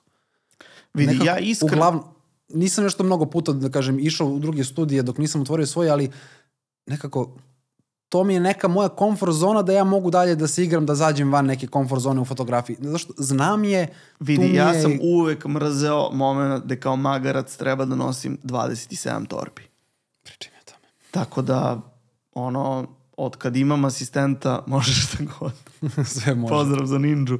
Ali, ovaj... Um, Jovane. Ne, znaš, mislim, uh, mislim, važno je. I taj deo je važan i dobrog asistenta je stvarno teško naći, ali stvarno me uvek smarao. Znači, ja sam u fazonu, pre sam, ako mogu sve da spakujem u jednu torbu, neki ja 150 kila i da je nosim, ok. Ali kao, torba sa stativima, torba sa svetlom, torba sa kamerama, zilberice, softbox, sam sam u fazonu, aj slikamo prirodno svetlo. Da li si imao moment da poneseš sve odjednom? Ja, ja, Uvek sve odjednom, ba jok, ja se ne, vraćam do Ja kola. ne mogu da se vraćam. Znači sad imam, ne znam, sedam torbi, ranac, zilberice, ja, ja, gluposti. Druže, ja tako živim, ja, sve, ja iz ja prodavnice sve kad idem preću da Sve. poginem, nek se polomi sve, nek padne jedan stepen, ma nema šanse da se vraćam. Pazi, ako moram da se dva put vraćam, pogotovo što lift u studiju mi je, video si, ima metar sa metar i dva lifta su oba takva. Ja se nekako nabijem ceo sa svima unutra, neću se vraćati dva puta, pa ne znam šta da je. Ja nemam lift. To je muka. Tre, on bio treći ili četvrti? Treći. Treći. Nije strašno, ali da. ali puta 10 godina ume da bude. Kako si vršio selekciju? Koliko, koliko ti je za bilo koju izložbu, ajde pričamo o pre, ali generalno što se tiče izložbi imaš 20, 30, 40, 50 fotografija koje su, da kažem, kvalitetne i mogu da uđu u izložbu i ti moraš da izabereš 20, 25 fotografija. Koliko ti je teško da se odvojiš od nekih, zato što sigurno si dolazi u situaciju da imaš 35 i da više ne znaš šta da izbaciš. Pa pazi, ako pričamo, zavisi. Ako pričamo o Apreu, tu je bilo lakše. Zato što u principu znao sam uvek koja fotka mi je favorit za jednu osobu i to je bio izbor. A od svake osobe si imao, neki si izbacio. Neke sam izbacio zato što prosto kao kad pogledam te fotografije nisu mi bile dovoljno vizualno interesantne i kao ok, ova, ova fotka mi ne treba. Mislim, ono što je stvar što ima ljudi koji ne kapiraju izbor i izložba su isto nauka za sebe. Čini se kao je super, imam super fotke i to je to. Mislim, to sam često imao i kao problem, naravno ne razmišljamo svi isto, pa onda a treba se uskladiti kad radim za neki časopis, neki editorial ili nešto. Kad ja vidim potpuno drugu selekciju. To je agonija meni. Ali na kraju dana, ono, časopis je, ima svog urednika, ima Urednik svog art bira. direktora, svako ima svoj fokus na nešto i ti tu moraš da se uklopiš. Kod izložbe ne moraš da se uklapaš, u većini slučajeva, zavisi kog je tipa izložba, ali je i to zadatak. I to sam se podsjetio na teži način sad sa Humans, zato što, kažem, ta izložba se desila iznenada, uh, cela izložba je organizovana za sedam dana, Da, to je A, baš prekratak to rok. je baš kratak rok. Ja sam imao sve te fotke, ali sam naravno rešio da dodam sebi da u toj nedelji slikam još pet ljudi. Iako sam već imao previše. Pred izložbu. Pred izložbu. Zbog? Šta ti je Pa falilo imao tu sam već neke, o nije mi falilo ništa. Imao sam neke ljude koje sam želeo dugo da slikam, ali kao nikako da se organizujem. Imao sam, na primer, uh, moju prijateljicu TKV, koja je bila prva osoba koju sam slikao kad sam počinjao taj koncept. S tim što je kad sam nju slikao, taj koncept bio malo drugačiji. I posle jednog drugog slikanja se to malo iščistilo, pretvorilo se u nešto drugo i meni te fotke ni tad nisu bile zadovoljavajuće. I bio sam u zonu želim nju na toj izložbi, ali ne želim te fotke. I bio sam u zonu dolaziš u studio, moramo da ponovimo, moramo da napravimo.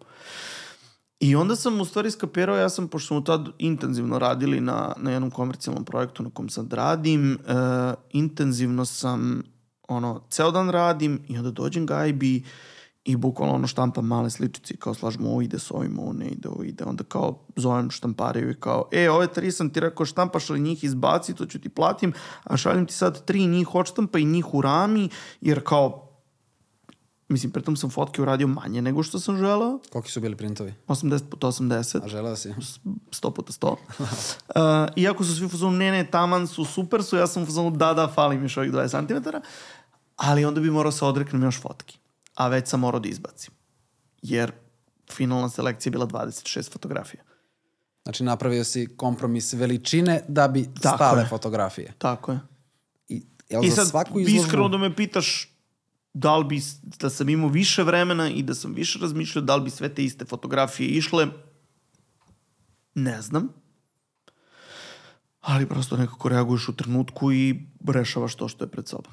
Jel za svaku izložbu imaš taj moment uh, da sklapaš sam redosled? Koliko je bitan redosled fotografija na izložbi? Od trenutka kada, kada neko uđe u galeriju, pa sad, uglavnom će to ići u neki krug ili svako će naći, da kažem, neki svoj put. Jel, jel gledaš da sastaviš ljudima neku priču ili kako ih vodiš kroz tu izložbu ili samo gledaš možda recimo kompozicije kako ti se uklapaju? A, zavisi od izložbe do izložbe, zavisi da li treba hronološki da priča neku priču, ali definitivno moraš da paziš na kompoziciju. Pogotovo, na primjer, sad kod Humansa gde su kao crno-beli portreti na belom, par nekih celih figura, a malih u, u čistoj belini i sad kao ne mogu stavim dva portreta koji gledaju na istu stranu jedan pored drugog. A kao, mislim, ono, vrlo je sve slično. Tu je možda bio najteži zadatak. Sa prejam je bilo lakše, imao sam kao četiri fotografije koje su bile 2 puta 2 i imao sam ostatak fotografija koje su bile 130 puta 130 i kao ovdje imaš dve figure, ovdje imaš jednu, ovo je na ovu stranu, ovo je na ovu stranu, bla bla bla, bla nekako je lakše. Ovde ono, staviš dve oće oče, ti ispadnu koliko ti smeta, pa onda kao premeštaj, pa šta. Pritom, ja sam printove prvi put video dan pred otvaranje. Čekaj, šta je bilo da je nešto bilo pogrešno? A, da je bilo nešto pogrešno, išli bi bez toga, mislim, kao i sve u životu, ali... Dobro je, pa nisu Mislim, bio pogrešan RAM. Šta bio? Pa tehnički bio pogrešan RAM, Ali to, si sam samo, ja to, je, to si samo ti video. tako je, jer i ja sam bio u fazonu kao, hoću ovo, kao što si mi već ramio, poslao sliku, bla, bla, bla, bla, bla, bla, i ne dobijem to. Pa kao, znaš, ovo kao, ovo kao uvek koriste. Ja kao, da, znam. Tehnički dobio sam 1-1, znači santimetar pozadi, santimetar ispod, ispred, a ja volim da je 1-2. Da imaš manje rama spreda, a da imaš veću kutiju. Da je dublja. da je dublja. Aha. I nekako bi bili još jači, još masivniji u tom prostoru, bili bi bolji. Ali okej.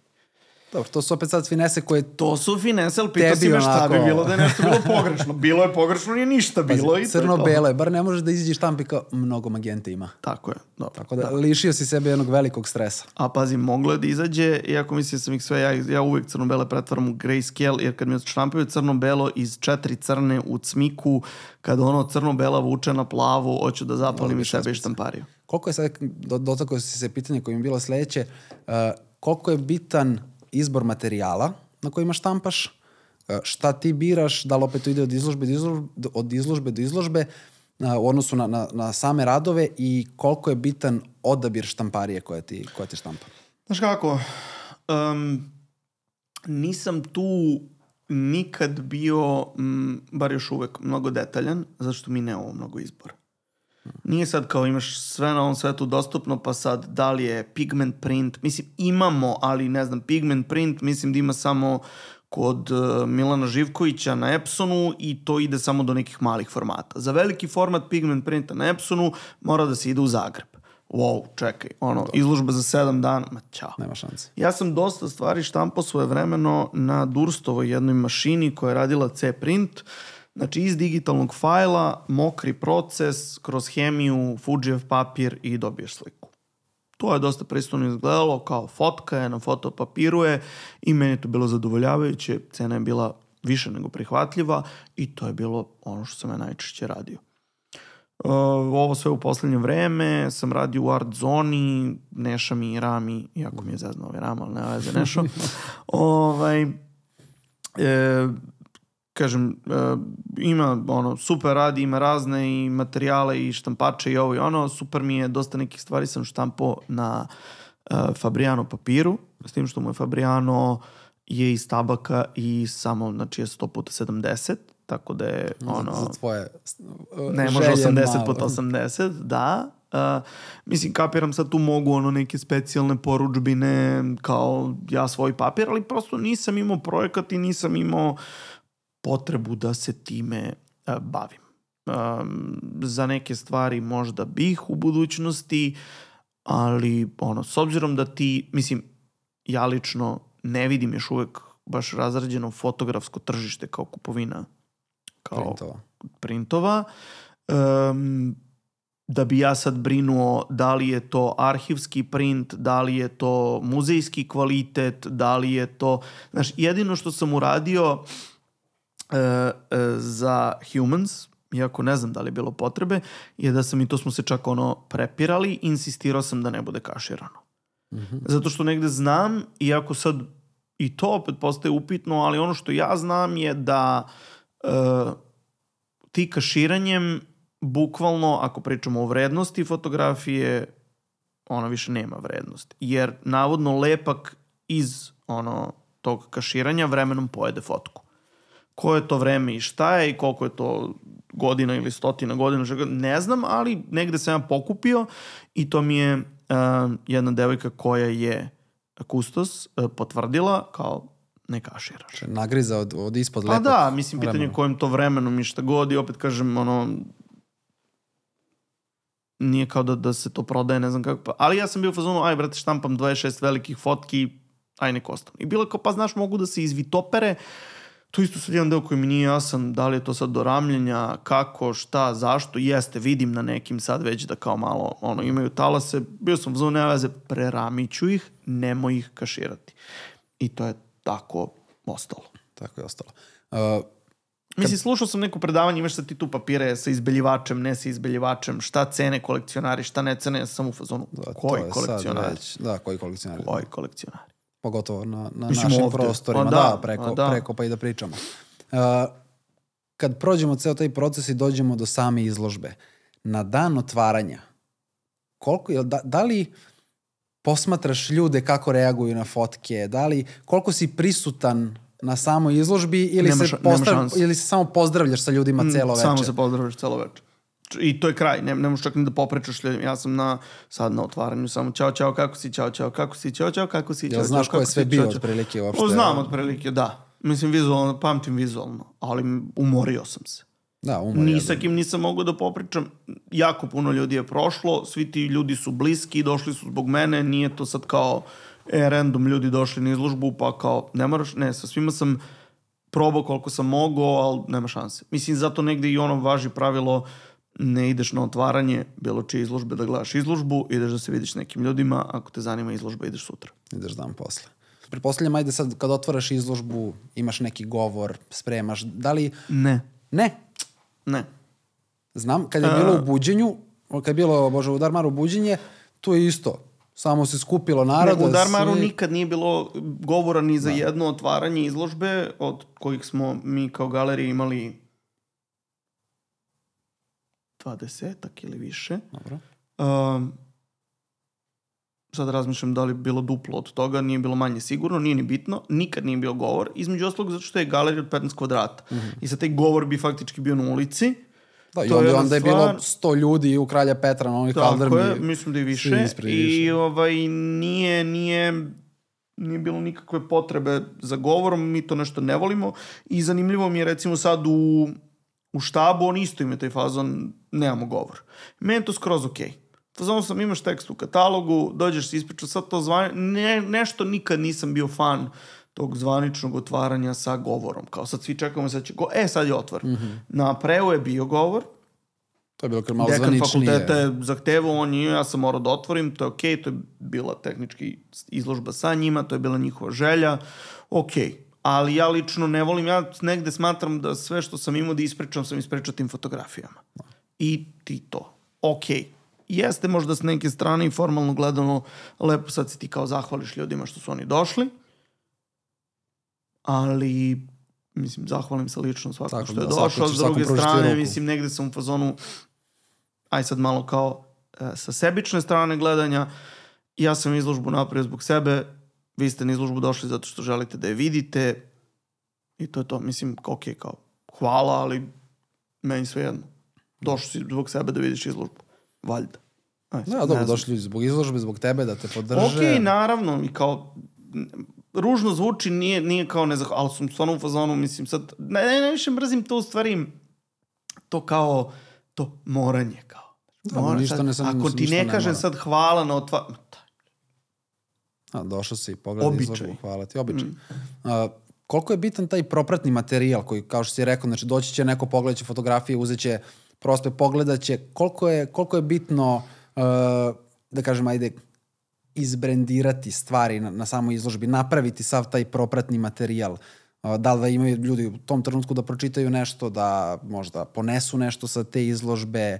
Koliko misliš da je to bitno s obzirom, ajde, verovatno većina toga ako neko ponese, to će možda će skupiti pitanje je- prašinu, možda neće, ali koliko je bitno za sam taj dan izložbe Mislim da je imati to? generalno bitno. Mislim da je jako bitno, uh, mislim da je bitno i kako ćeš to da uklopiš i mislim da je katalog bitan jer suštinski od te izložbe će ostati katalog kao celina.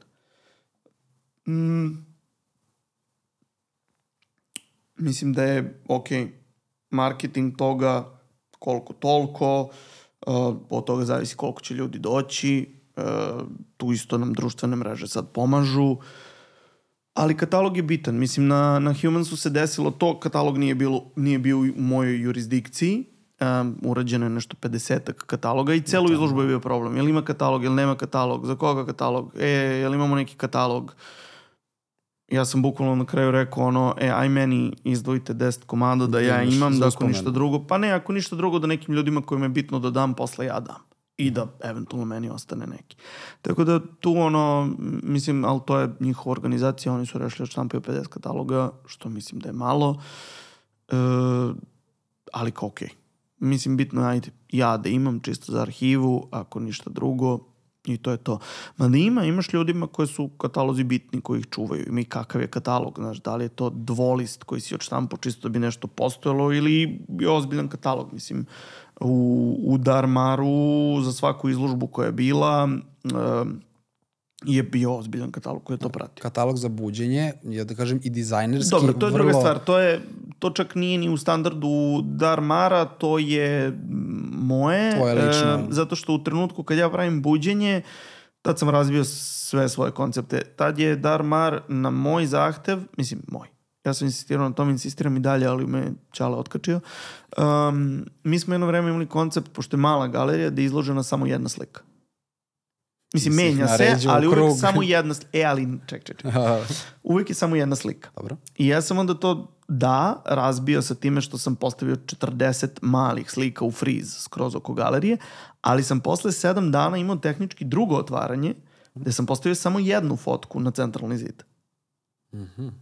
Dobro. Tako da sam negde kao... Znači, ostala je- Znaš kao, prekid programa, idemo sa 40 fotografija, ok, vraćamo, sve se vraća u normalu. I katalog koji je pratio te izložbe je bio kao poster presavijen na šest delova u katalog. Tako da katalog za buđenje, koji je faktički mala knjiga, više nego, nego katalog, je bio nešto što sam ja ono, hteo da uradim za sebe. A, um, ali generalno katalozi koji su pravljeni kad su to bile izložbe Cvetković, Dunjić i tako dalje, sve što je moj čale pravio, um, to su manje ili više, ali ozbiljni katalozi bili. I to je nešto stvarno što čuvaš. Mislim, ono, dvolisti realno, nemaš ti tu, ti kad imaš reprodukciju kompletne izložbe u jednom katalogu, ti nekako bukvalno imaš knjigu. Da, Inače, to je već... no, kad smo kod knjige i toga, jako zanimljiva ovaj, stvar i kad smo kod prodaje, um, knjigu Apre, mislim da najviše što smo prodali, prodali smo na samom otvaranju, jer je tad bila upola cene, što je tad bilo 1000 dinara. Mislim da kad smo je digli na realnih 2000 dinara, što je kao nismo u minusu, da se skoro ništa nije prodalo. Um, one su uglavnom poklanjane važnim gostima i tako dalje i tako dalje. I onda sam skoro naišao da neko na tipa kupujem, prodajem ili kupindu prodaje jednu knjigu za pet soma u fazonu sam podrška, vrate, ja ću da je kupim, samo uvek biznis. prodata za 5000, kao to je to. Toliko treba da košta. Ali to je problem, to je, Da, to, to je je- sad problem našeg tržišta, što... Mislim, i to je problem naš, e, koliko god ti da uradiš kvalitetnu knjigu, neko će kaže, e, okej, daću 50 evra za ono Njutna, za Tašenovo izdanje, ali ko što bi ja sad dao za, za tvoju knjigu? Ja. I ako je u, tu knjigu uloženo ti uložio nju, vremena, tako truda, rada, znoja. Ma ne, ma, mislim, imamo mi taj malo problem pritom- kao, e, ovo je naše, kao šta ti, kao šta ti to sad, šta ti meni sad ti imaš knjigu. Mislim, ima tu hiljadu nekih, ono, Samo izrada knjige košta.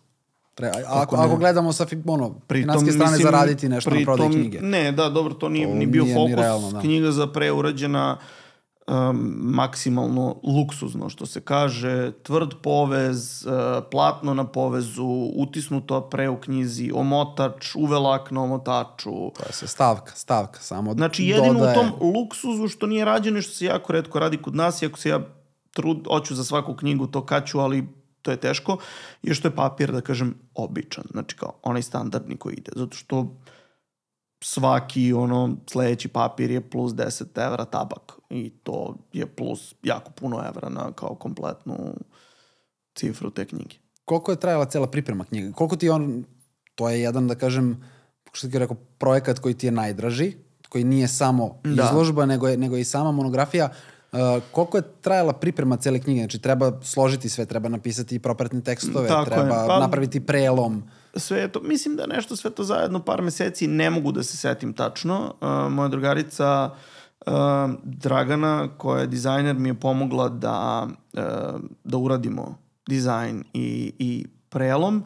Um, tekstove su ono, to je bio neki izbor. Iskreno, ja nisam imao preterani neki zahtev ko će pisati tekst za tu tematiku, tako da sam to isto prepustio ljudima koji se bolje razumeju u to da izaberu.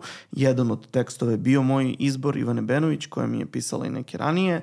I um, to se onda spakovalo, uradio se prelom. Nije bila komplikovana knjiga zato što ima par tekstova na, na uvodu i onda ima svaka fotografija je e, svoj spread. Znači išlo je bela strana fotografija. Bela strana fotografija. Hteo sam da svaku možeš da posmatraš kao zasebnu i da možeš da se fokusiraš na nju. Da nema distrakcija nekih Tako sa je. strane. I mislim što je ono kao i doprenalo negde da ti kao dobiješ 40 strana, sad, to je 44 strane s 22 fotke. Uh, I onda posle toga je išao jedan deo koji se zvao kao drugi čin ili tako nešto, uh, gde sam ja pisao neki tekst o svom iskustvu iz toga i tu sam ubacio neke fotografije same predstave i kao neki BTS koje su bile super, super neke fotke, a koje nisu konceptualno išle uz ovo. Su dopunile celu, da kažem, Pa da, zaokružile celu priču. da. Koliko to... Luna se probudila. Probudila se, dobro jutro. Ćao. Koliki je tiraž tu bio? 250 komada. Koliko je tebi ostalo? Je li si sačuvao? Imam, komada ne, za ja, sebe. da, imam dve, tri, ono, imam jednu u studiju, imam dve kod kuće, ja mislim, to imam, naravno, ima Ćala, ima Kijeva, ima Dobro, bližnje. Si planirao neko reizdanje možda? Ja sam, prošle godine smo planirali reizdanje, međutim kad sam se raspitao, cene su otišle skoro duplo. I ja sam doneo odluku da kao, e, ovo je mnogo skupo, nećemo. Pričali smo posle opet o tom reizdanju, ali to je za sad ostalo na holdu. Ja bi iskreno u neku ruku voleo da se uradi. Postoji još, mislim, ne mogu kažem postoji potražnja. Mi ni ovo nismo prodali, niko nije profitirao od ovoga i onda ne mogu kažem, e, kao, ok, da, postoje, ne znam, neki studenti prošle godine koji su bili, jao, gde možemo, da li možemo da nabavimo knjigu. Postoje ljudi koji bi voleli da imaju. Postojim ja i dalje bi volao nekim ljudima da poklonim. To je značajna stvar u karijeri i mnogo je lepo Jeste, imati. Ali opet, znaš, ne mogu ni ja da kažem nekome, ajde da potrošimo sad 5000 evra na, na 250 komada da bi kao, eto, mi podelili nekom i opet će, mislim, lako će se podeli. Od toga se zaraditi vjerojatno ništa neće, kao što se pokazalo i prvi put, ali se radilo iz drugih razloga. Ja da lično imam te pare za to dao bih, iskreno, realno da imam te pare za knjigu, vjerojatno bi radio neku novu, Ti već imaš Jer- jednu spremnu, je li tako? Pa ne baš, Ali imam, ne, imam za, za, za metanoju je relativno spremna ta knjiga, iako ona nije monografija, ona je više knjiga umetnika ili kako se to već zove. Kombinacija monografije i teorijske knjige a nije dovoljno ni jedno ni drugo. Otprilike. Umetnička knjiga. Um, nekako da. Išao bi možda dalje. Ići ću dalje. Volio bih sad da se dotaknemo uh, jedne, da kažem, uh, jednog pravca umetničkog koji radiš i ti si jedan od možda redkih na ovim prostorima, ja ne znam nikog drugog da radi, a to je mix medija. Uh, Da, da, čekaj, čekaj, čekaj, moramo pažljivo. Mix mediju rade, lju- mix medija postoji, kao. Dobro. Znam šta si hteo da kažeš, ali kao, m, ne možemo tako. Na Mix tvoj mediju način. rade ljudi. Kombinaciju fotografije i slike na način koji ja radim, ni ja nisam video.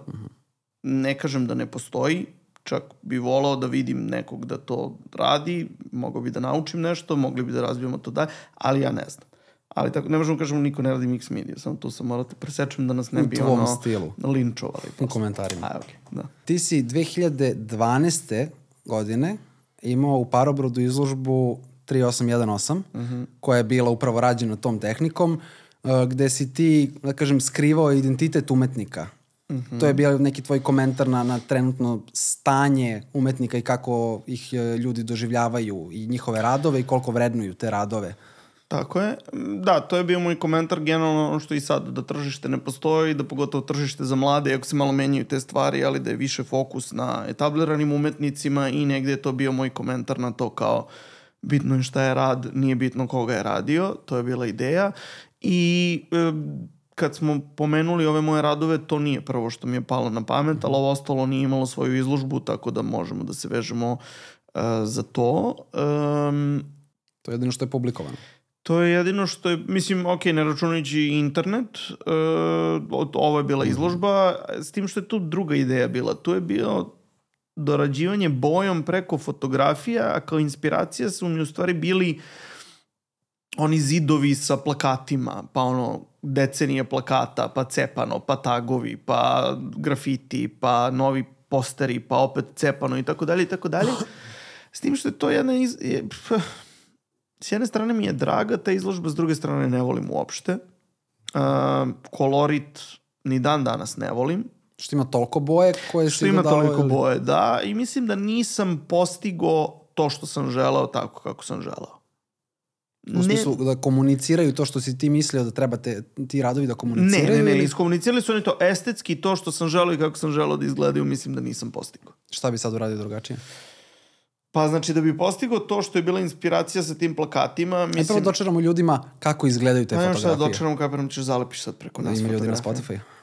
To je Naravno, tačno, mislim, tako je. Ništa, to su crno-beli portreti, rađeni su na filmu, srednje formatno, onda su odštampani u nekoj dimenziji 75 puta 75, uh, oči su izgrebane uh, šaberom za grafiku, ko zna šta je zna, um, da ne bi kao imali identitet i onda su, lepio sam neke novine pa sam cepao, to sam malo kolažirao, prsko sam sprejem, uh, akrilne boje sam, neke boje cure i tako dalje i tako dalje. I čak su nekako su se povezale, ono, bila je grupacija zeleno-žutih, plavo-ljubičastih i nekih između. Um, mislim da sam tad još naučio da boje nisu moja stvar.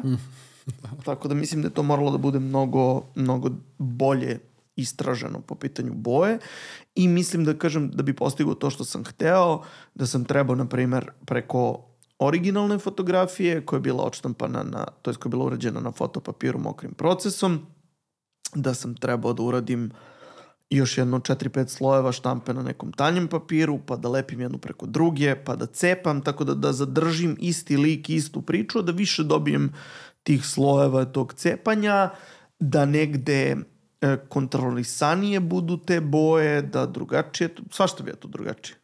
Ali mm. samo sam ga ostavio kao takvog, to je bilo tad, reklo je svoje, ostalo je u tome i to je to. Da, na nekim novim radovima, ako si ubacivo boju, ubacivo si samo kao akcenat, ono, bukvalno jedan potez četkom ili, ili četkicom. Jel bi sad nešto tako jednostavnije radio? Pa recimo, evo sad, ako vizualizujem i ako razmišljam, ajde da ne bude sad. Ajde, a sad ako vizualizujem i ako razmišljam, mislim da bi to, znači prelepio bi više puta te fotografije, više bi cepao, ako bi bila boja, bio bi kao tag, ali bi recimo stavio tako da taj tag faktički izlazi van slike.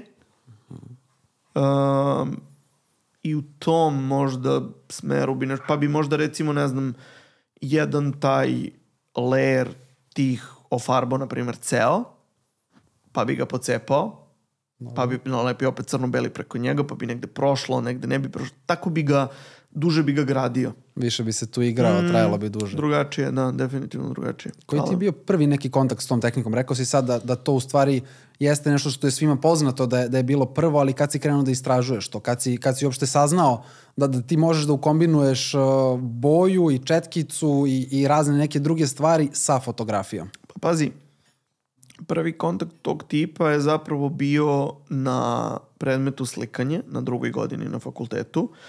Ne mogu da se setim, negde sam video inspiraciju za to. Um, nisam siguran da li je bila 100% ta inspiracija takva ili me samo nešto navelo. Apsolutno ne mogu da se setim, ali sam tad prvi put pokušao da kao uzmem veliki papir, zalepim malu fotografiju kao deo njega i onda uh, bukvalno crnom i belom bojom nastavim, to jest proširim tu fotografiju. To je ono što sam dosta radio, ovaj tramvaj koji ćemo verovatno prikazati, mm -hmm. koji je 2013. nastao, je najveći takav format koji sam radio i možda najbolji do sad, ali mislim da tu imaš dosta da se istražuje. To nikad nije izloženo zato što su to uvijek bili pejzaži Beograda i nekako mi to nije imalo um, nije mi imalo koncept, nije mi imalo težinu, nije mi imalo zašto bi ga izložio. Mm -hmm. Bilo je jedno vreme kao um, kao postavka u, u, u restoranu Langust. Uh -huh. Visilo je tamo, ceo restoran je bio samo u tim slikama, to je stajalo na dva meseca, ali van toga nije bila zvanična izložba toga zato što ja ne vidim razlog da to izložim. Nekako mi je... I dalje ne vidiš razlog? I dalje ne vidim... Znači, to je nešto, da kažem, potpuno unikatno i nešto što je, da kažem, tvoje. Pa da, ali I... nema, mi, nema, mi, nema mi temu, nema mi, možda u nekom trenutku napravim kao Beograd. Kao.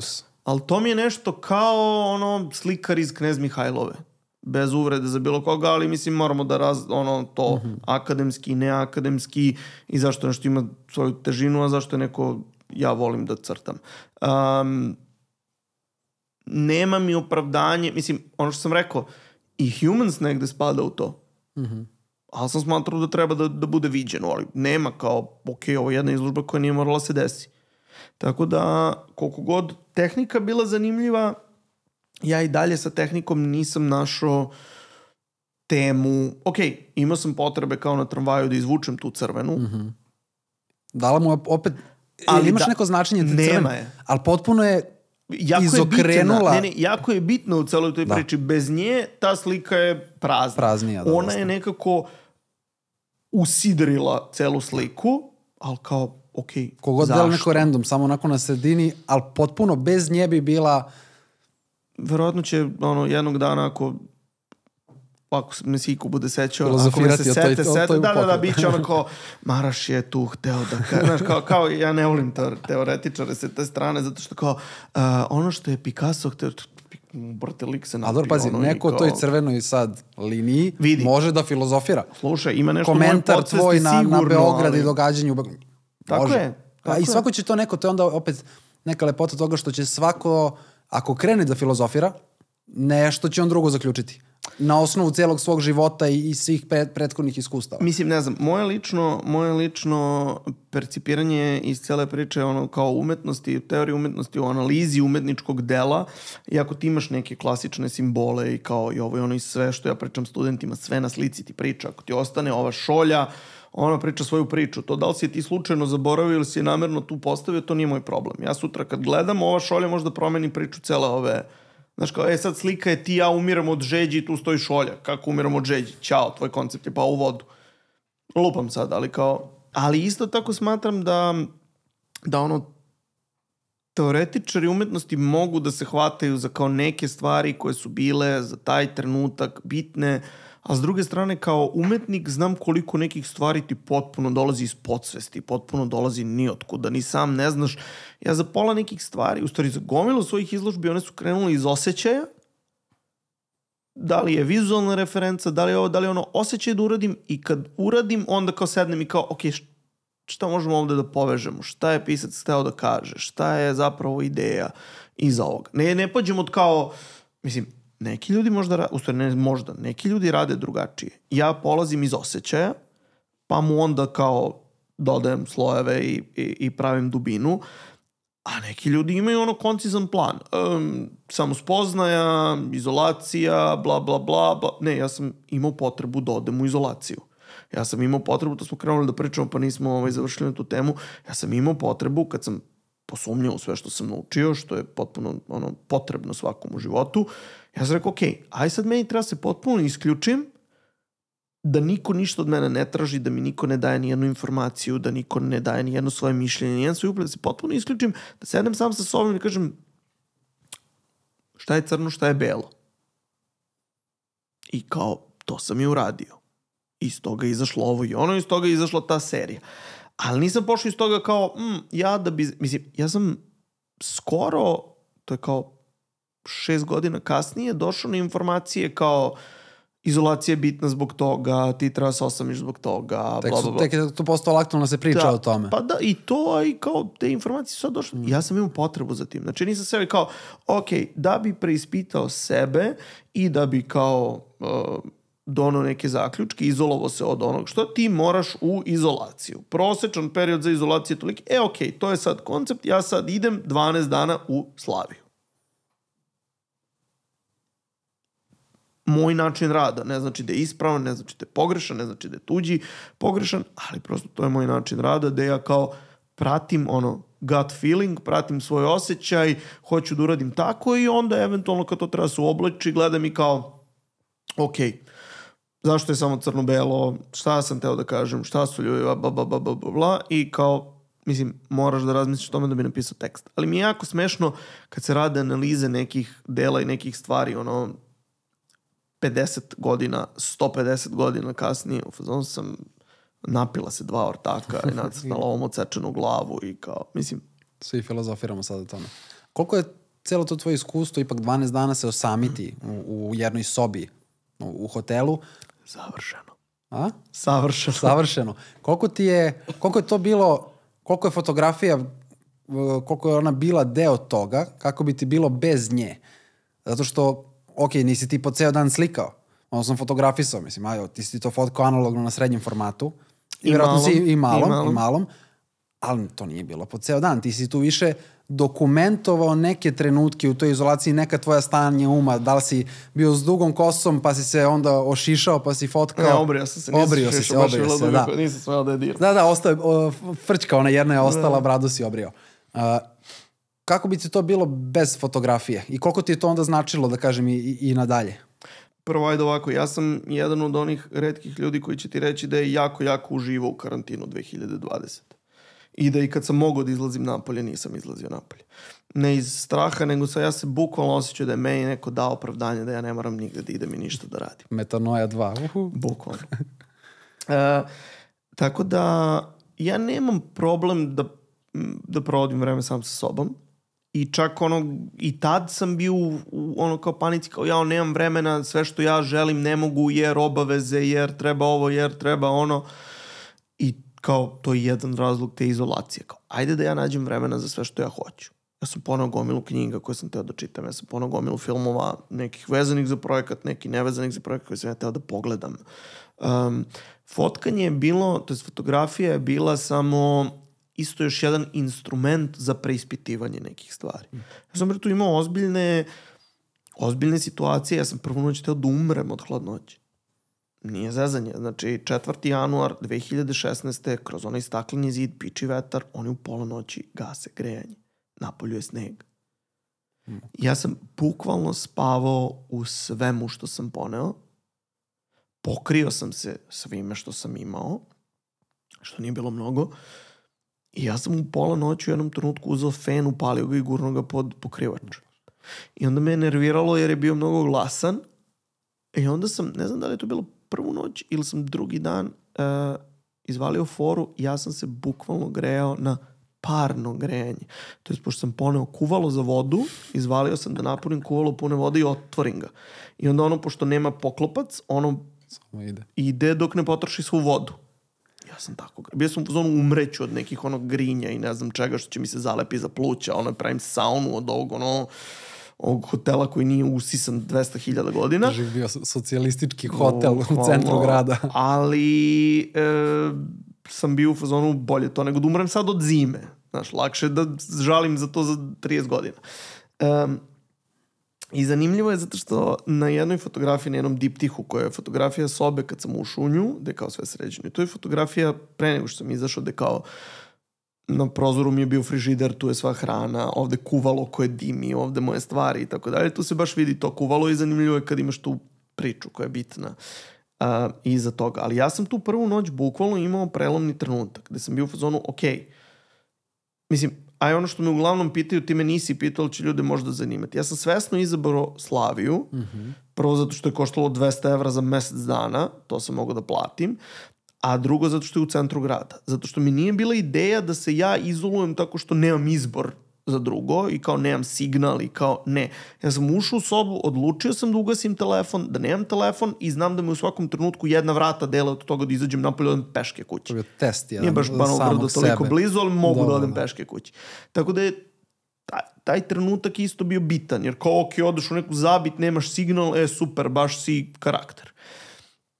Druga stvar je bila, kažem ti, prvu noć i bio sam u fazonu, ok, da li da zovem recepciju, da im se čestitam svih rođendana zbog ovog grejanja, da li da zovem Čaleta da mi donese neku grejalicu. Je li ću ti trpi? I da li da izađem.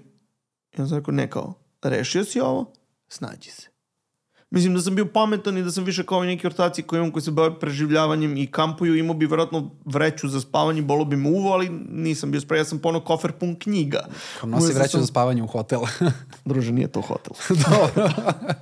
A čekaj, sad, posle 12 dana i ta, ta, taj diptih, koliko je, koliko to uopšte više nije ličilo na hotelsku sobu? Koliko si ti to već prilag, kroz, mislim, 12 dana boraviti u jednom prostoru, ti već to preurediš, da kažem da je to tvoj neki lični prostor postao. Koliko, Mislim, se to, koliko se to prikazalo kroz, kroz tu fotografiju, kroz to poređenje jedne hotelske sređene sobe? Gledaj, to je uvek na drugima da procene meni uvek za sve i super mi je kad čujem od ljudi i kao i za humans, kao je uspeo si da uhvatiš to što si hteo i za pre, kao vidi, meni je to strava. Ja pokušam, ali sam nekako pristrasan tome.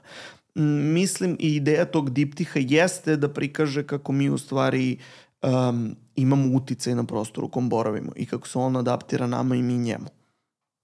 I to jeste ideja, da kažem, tog diptiha koje sam planirao posle da ponavljam na, i na drugim mestima, ali prosto nisam još uvijek toliko, mislim, ono, imao sam jednu izolaciju kod kuće kad sam pisao taj master, ali sam te fotke izbacio jer su mi nekako, nije mi to to. Više treba da budu ta neka mesta na koja ja odlazim zbog tog projekta što je trebalo da bude Crna Gora zimi za onu fotku koju smo mm -hmm. pričali, ali se i dalje nije desilo.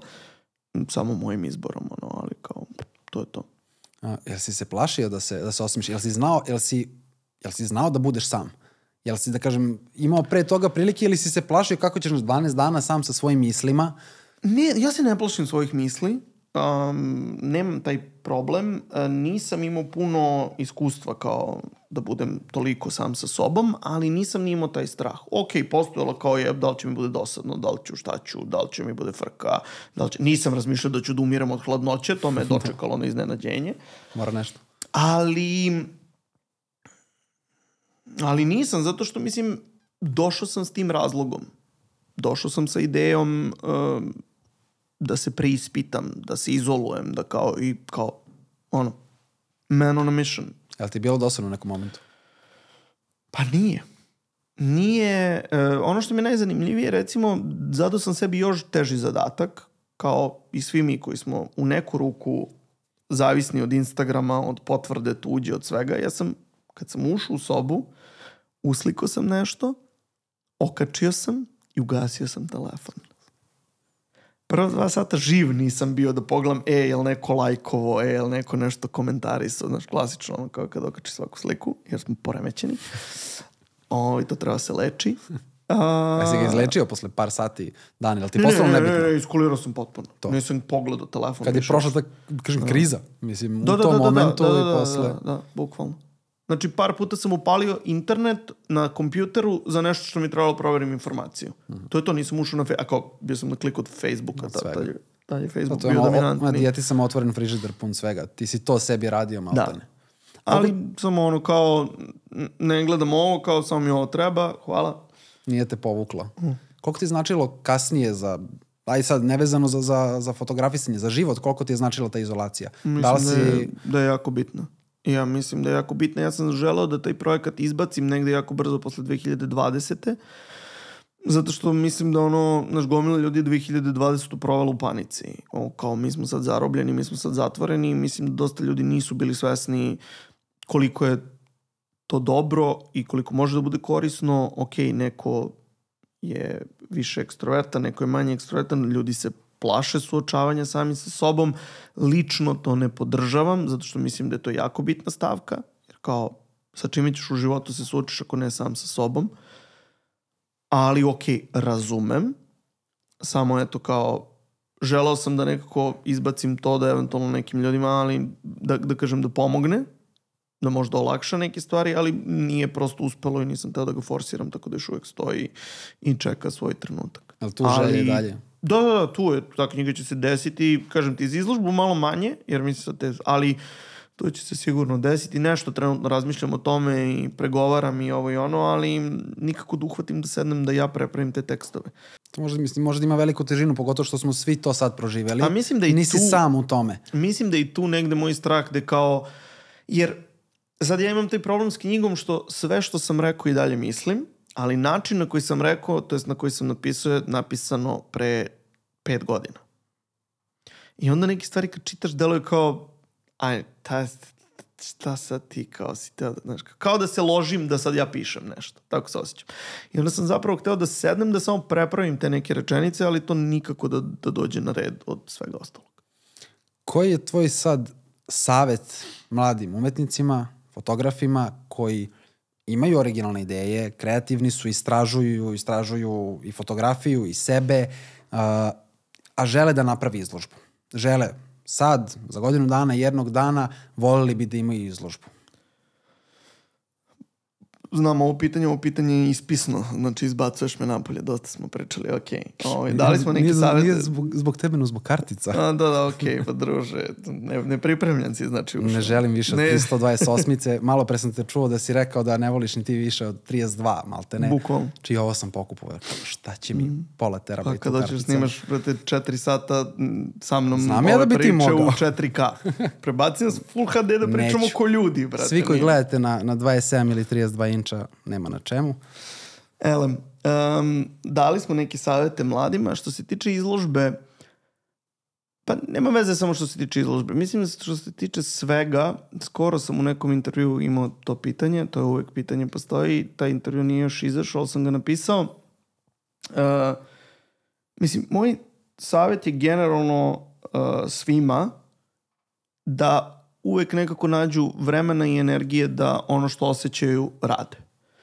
I da će se to pre ili kasnije vratiti, da ne kažem isplatiti. Um, ja i dalje, ono, pričali smo na početku, ti si rekao dosta si uradio, ja sam u zonu toliko toga nisam uradio, jer svo svoje vreme i energiju pretežno dajem za uh, komercijalno. Imao sam sad situaciju, za vikend sam nešto eksperimentisao opet sa slikanjem, ovaj, i nema toliko foto... U stvari ima nešto, aj sad da ne otvaram temu, ali sam pokušao neki fototransfer, kupio sam neki gel za fototransfer, te sam prenesem crnu štampu na crni akril, da bude crno na crnom.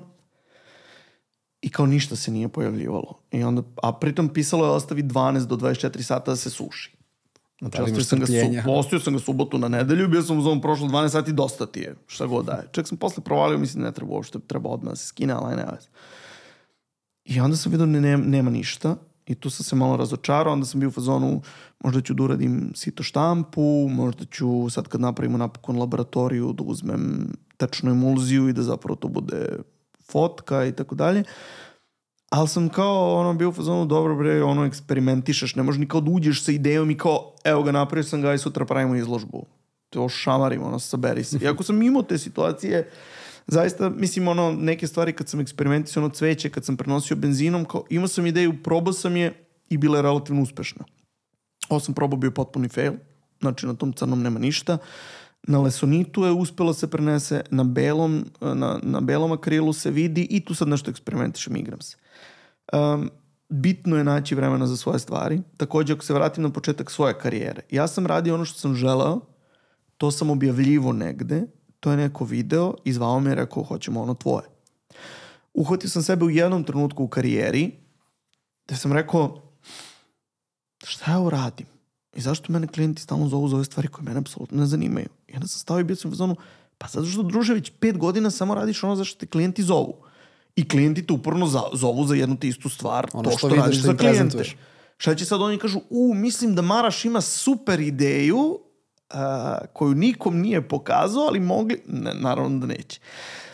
Tako da i tad sam sebe resetovao i rekao, ne, ne, okej, moraš da radiš nešto svoje. Mislim da je jako, jako važno um, napra- naći vremena za ono što ti osjećaš. Neće to uvek biti plaćeno, neće to uvek biti za klijenta, neće to uvek biti super, neće to uvek uspeti, kao meni sad za vikend, ali sve to vodi nekuda i bitno je da ti u taj deo veruješ, jer će se on vratiti na ovaj onaj način. Ja sam slikao drugaricu u garaži na zlatnom biciklu koji sam ja farbao, Bata Spasović me zvao, tri godine sam mu radio sve kampanje.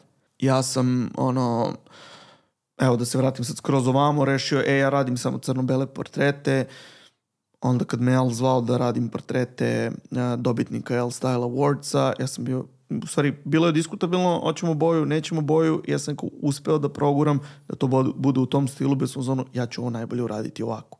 I oni su to prihvatili. I oni su to prihvatili. A, da ja nisam uradio te portrete, šta sad kao? E, verujte mi, imam ideju. Ovdje imaju. Crno na belo imaju. Crno na belo imaju, tako je. E, tako da moj savjet je, ono, ok, mis, ja čak imam tu dilemu, ja nisam uspeo svoj umetnički rad još uvijek da naplatim. Prodao sam par nekih radova nekad u životu, ništa specijalno, mislim ništa kao sad da to može da se uzme kao e, šablon, referenca, šta god, ali sam imao trenutke kad sam se preispitivao da li i treba da naplatim. Mislim, ne kao, e, treba ovo da dajem sve za džabe, nego ako ti taj deo postane posao, onda preuzima i one neke um, predispozicije posla. Da neko zahteva da imaš neke rokove, uh, da lupam sad ako imam kolekcionara, on kaže, e, ali nama je super, on ja pre u boji, aj radi to više, ti si u fazonu, ne, ja sad radim crno-bel, ne, ne, veruj mi, ovo imam ti. I tu automatski nastaje problem, mislim, svi umetnici is- ikad skoro sam gledao neki do- dokumentarac u Picasso su imali taj problem da kao e ne ono tvoje ono bi više kao ne ja sam to prevazišao.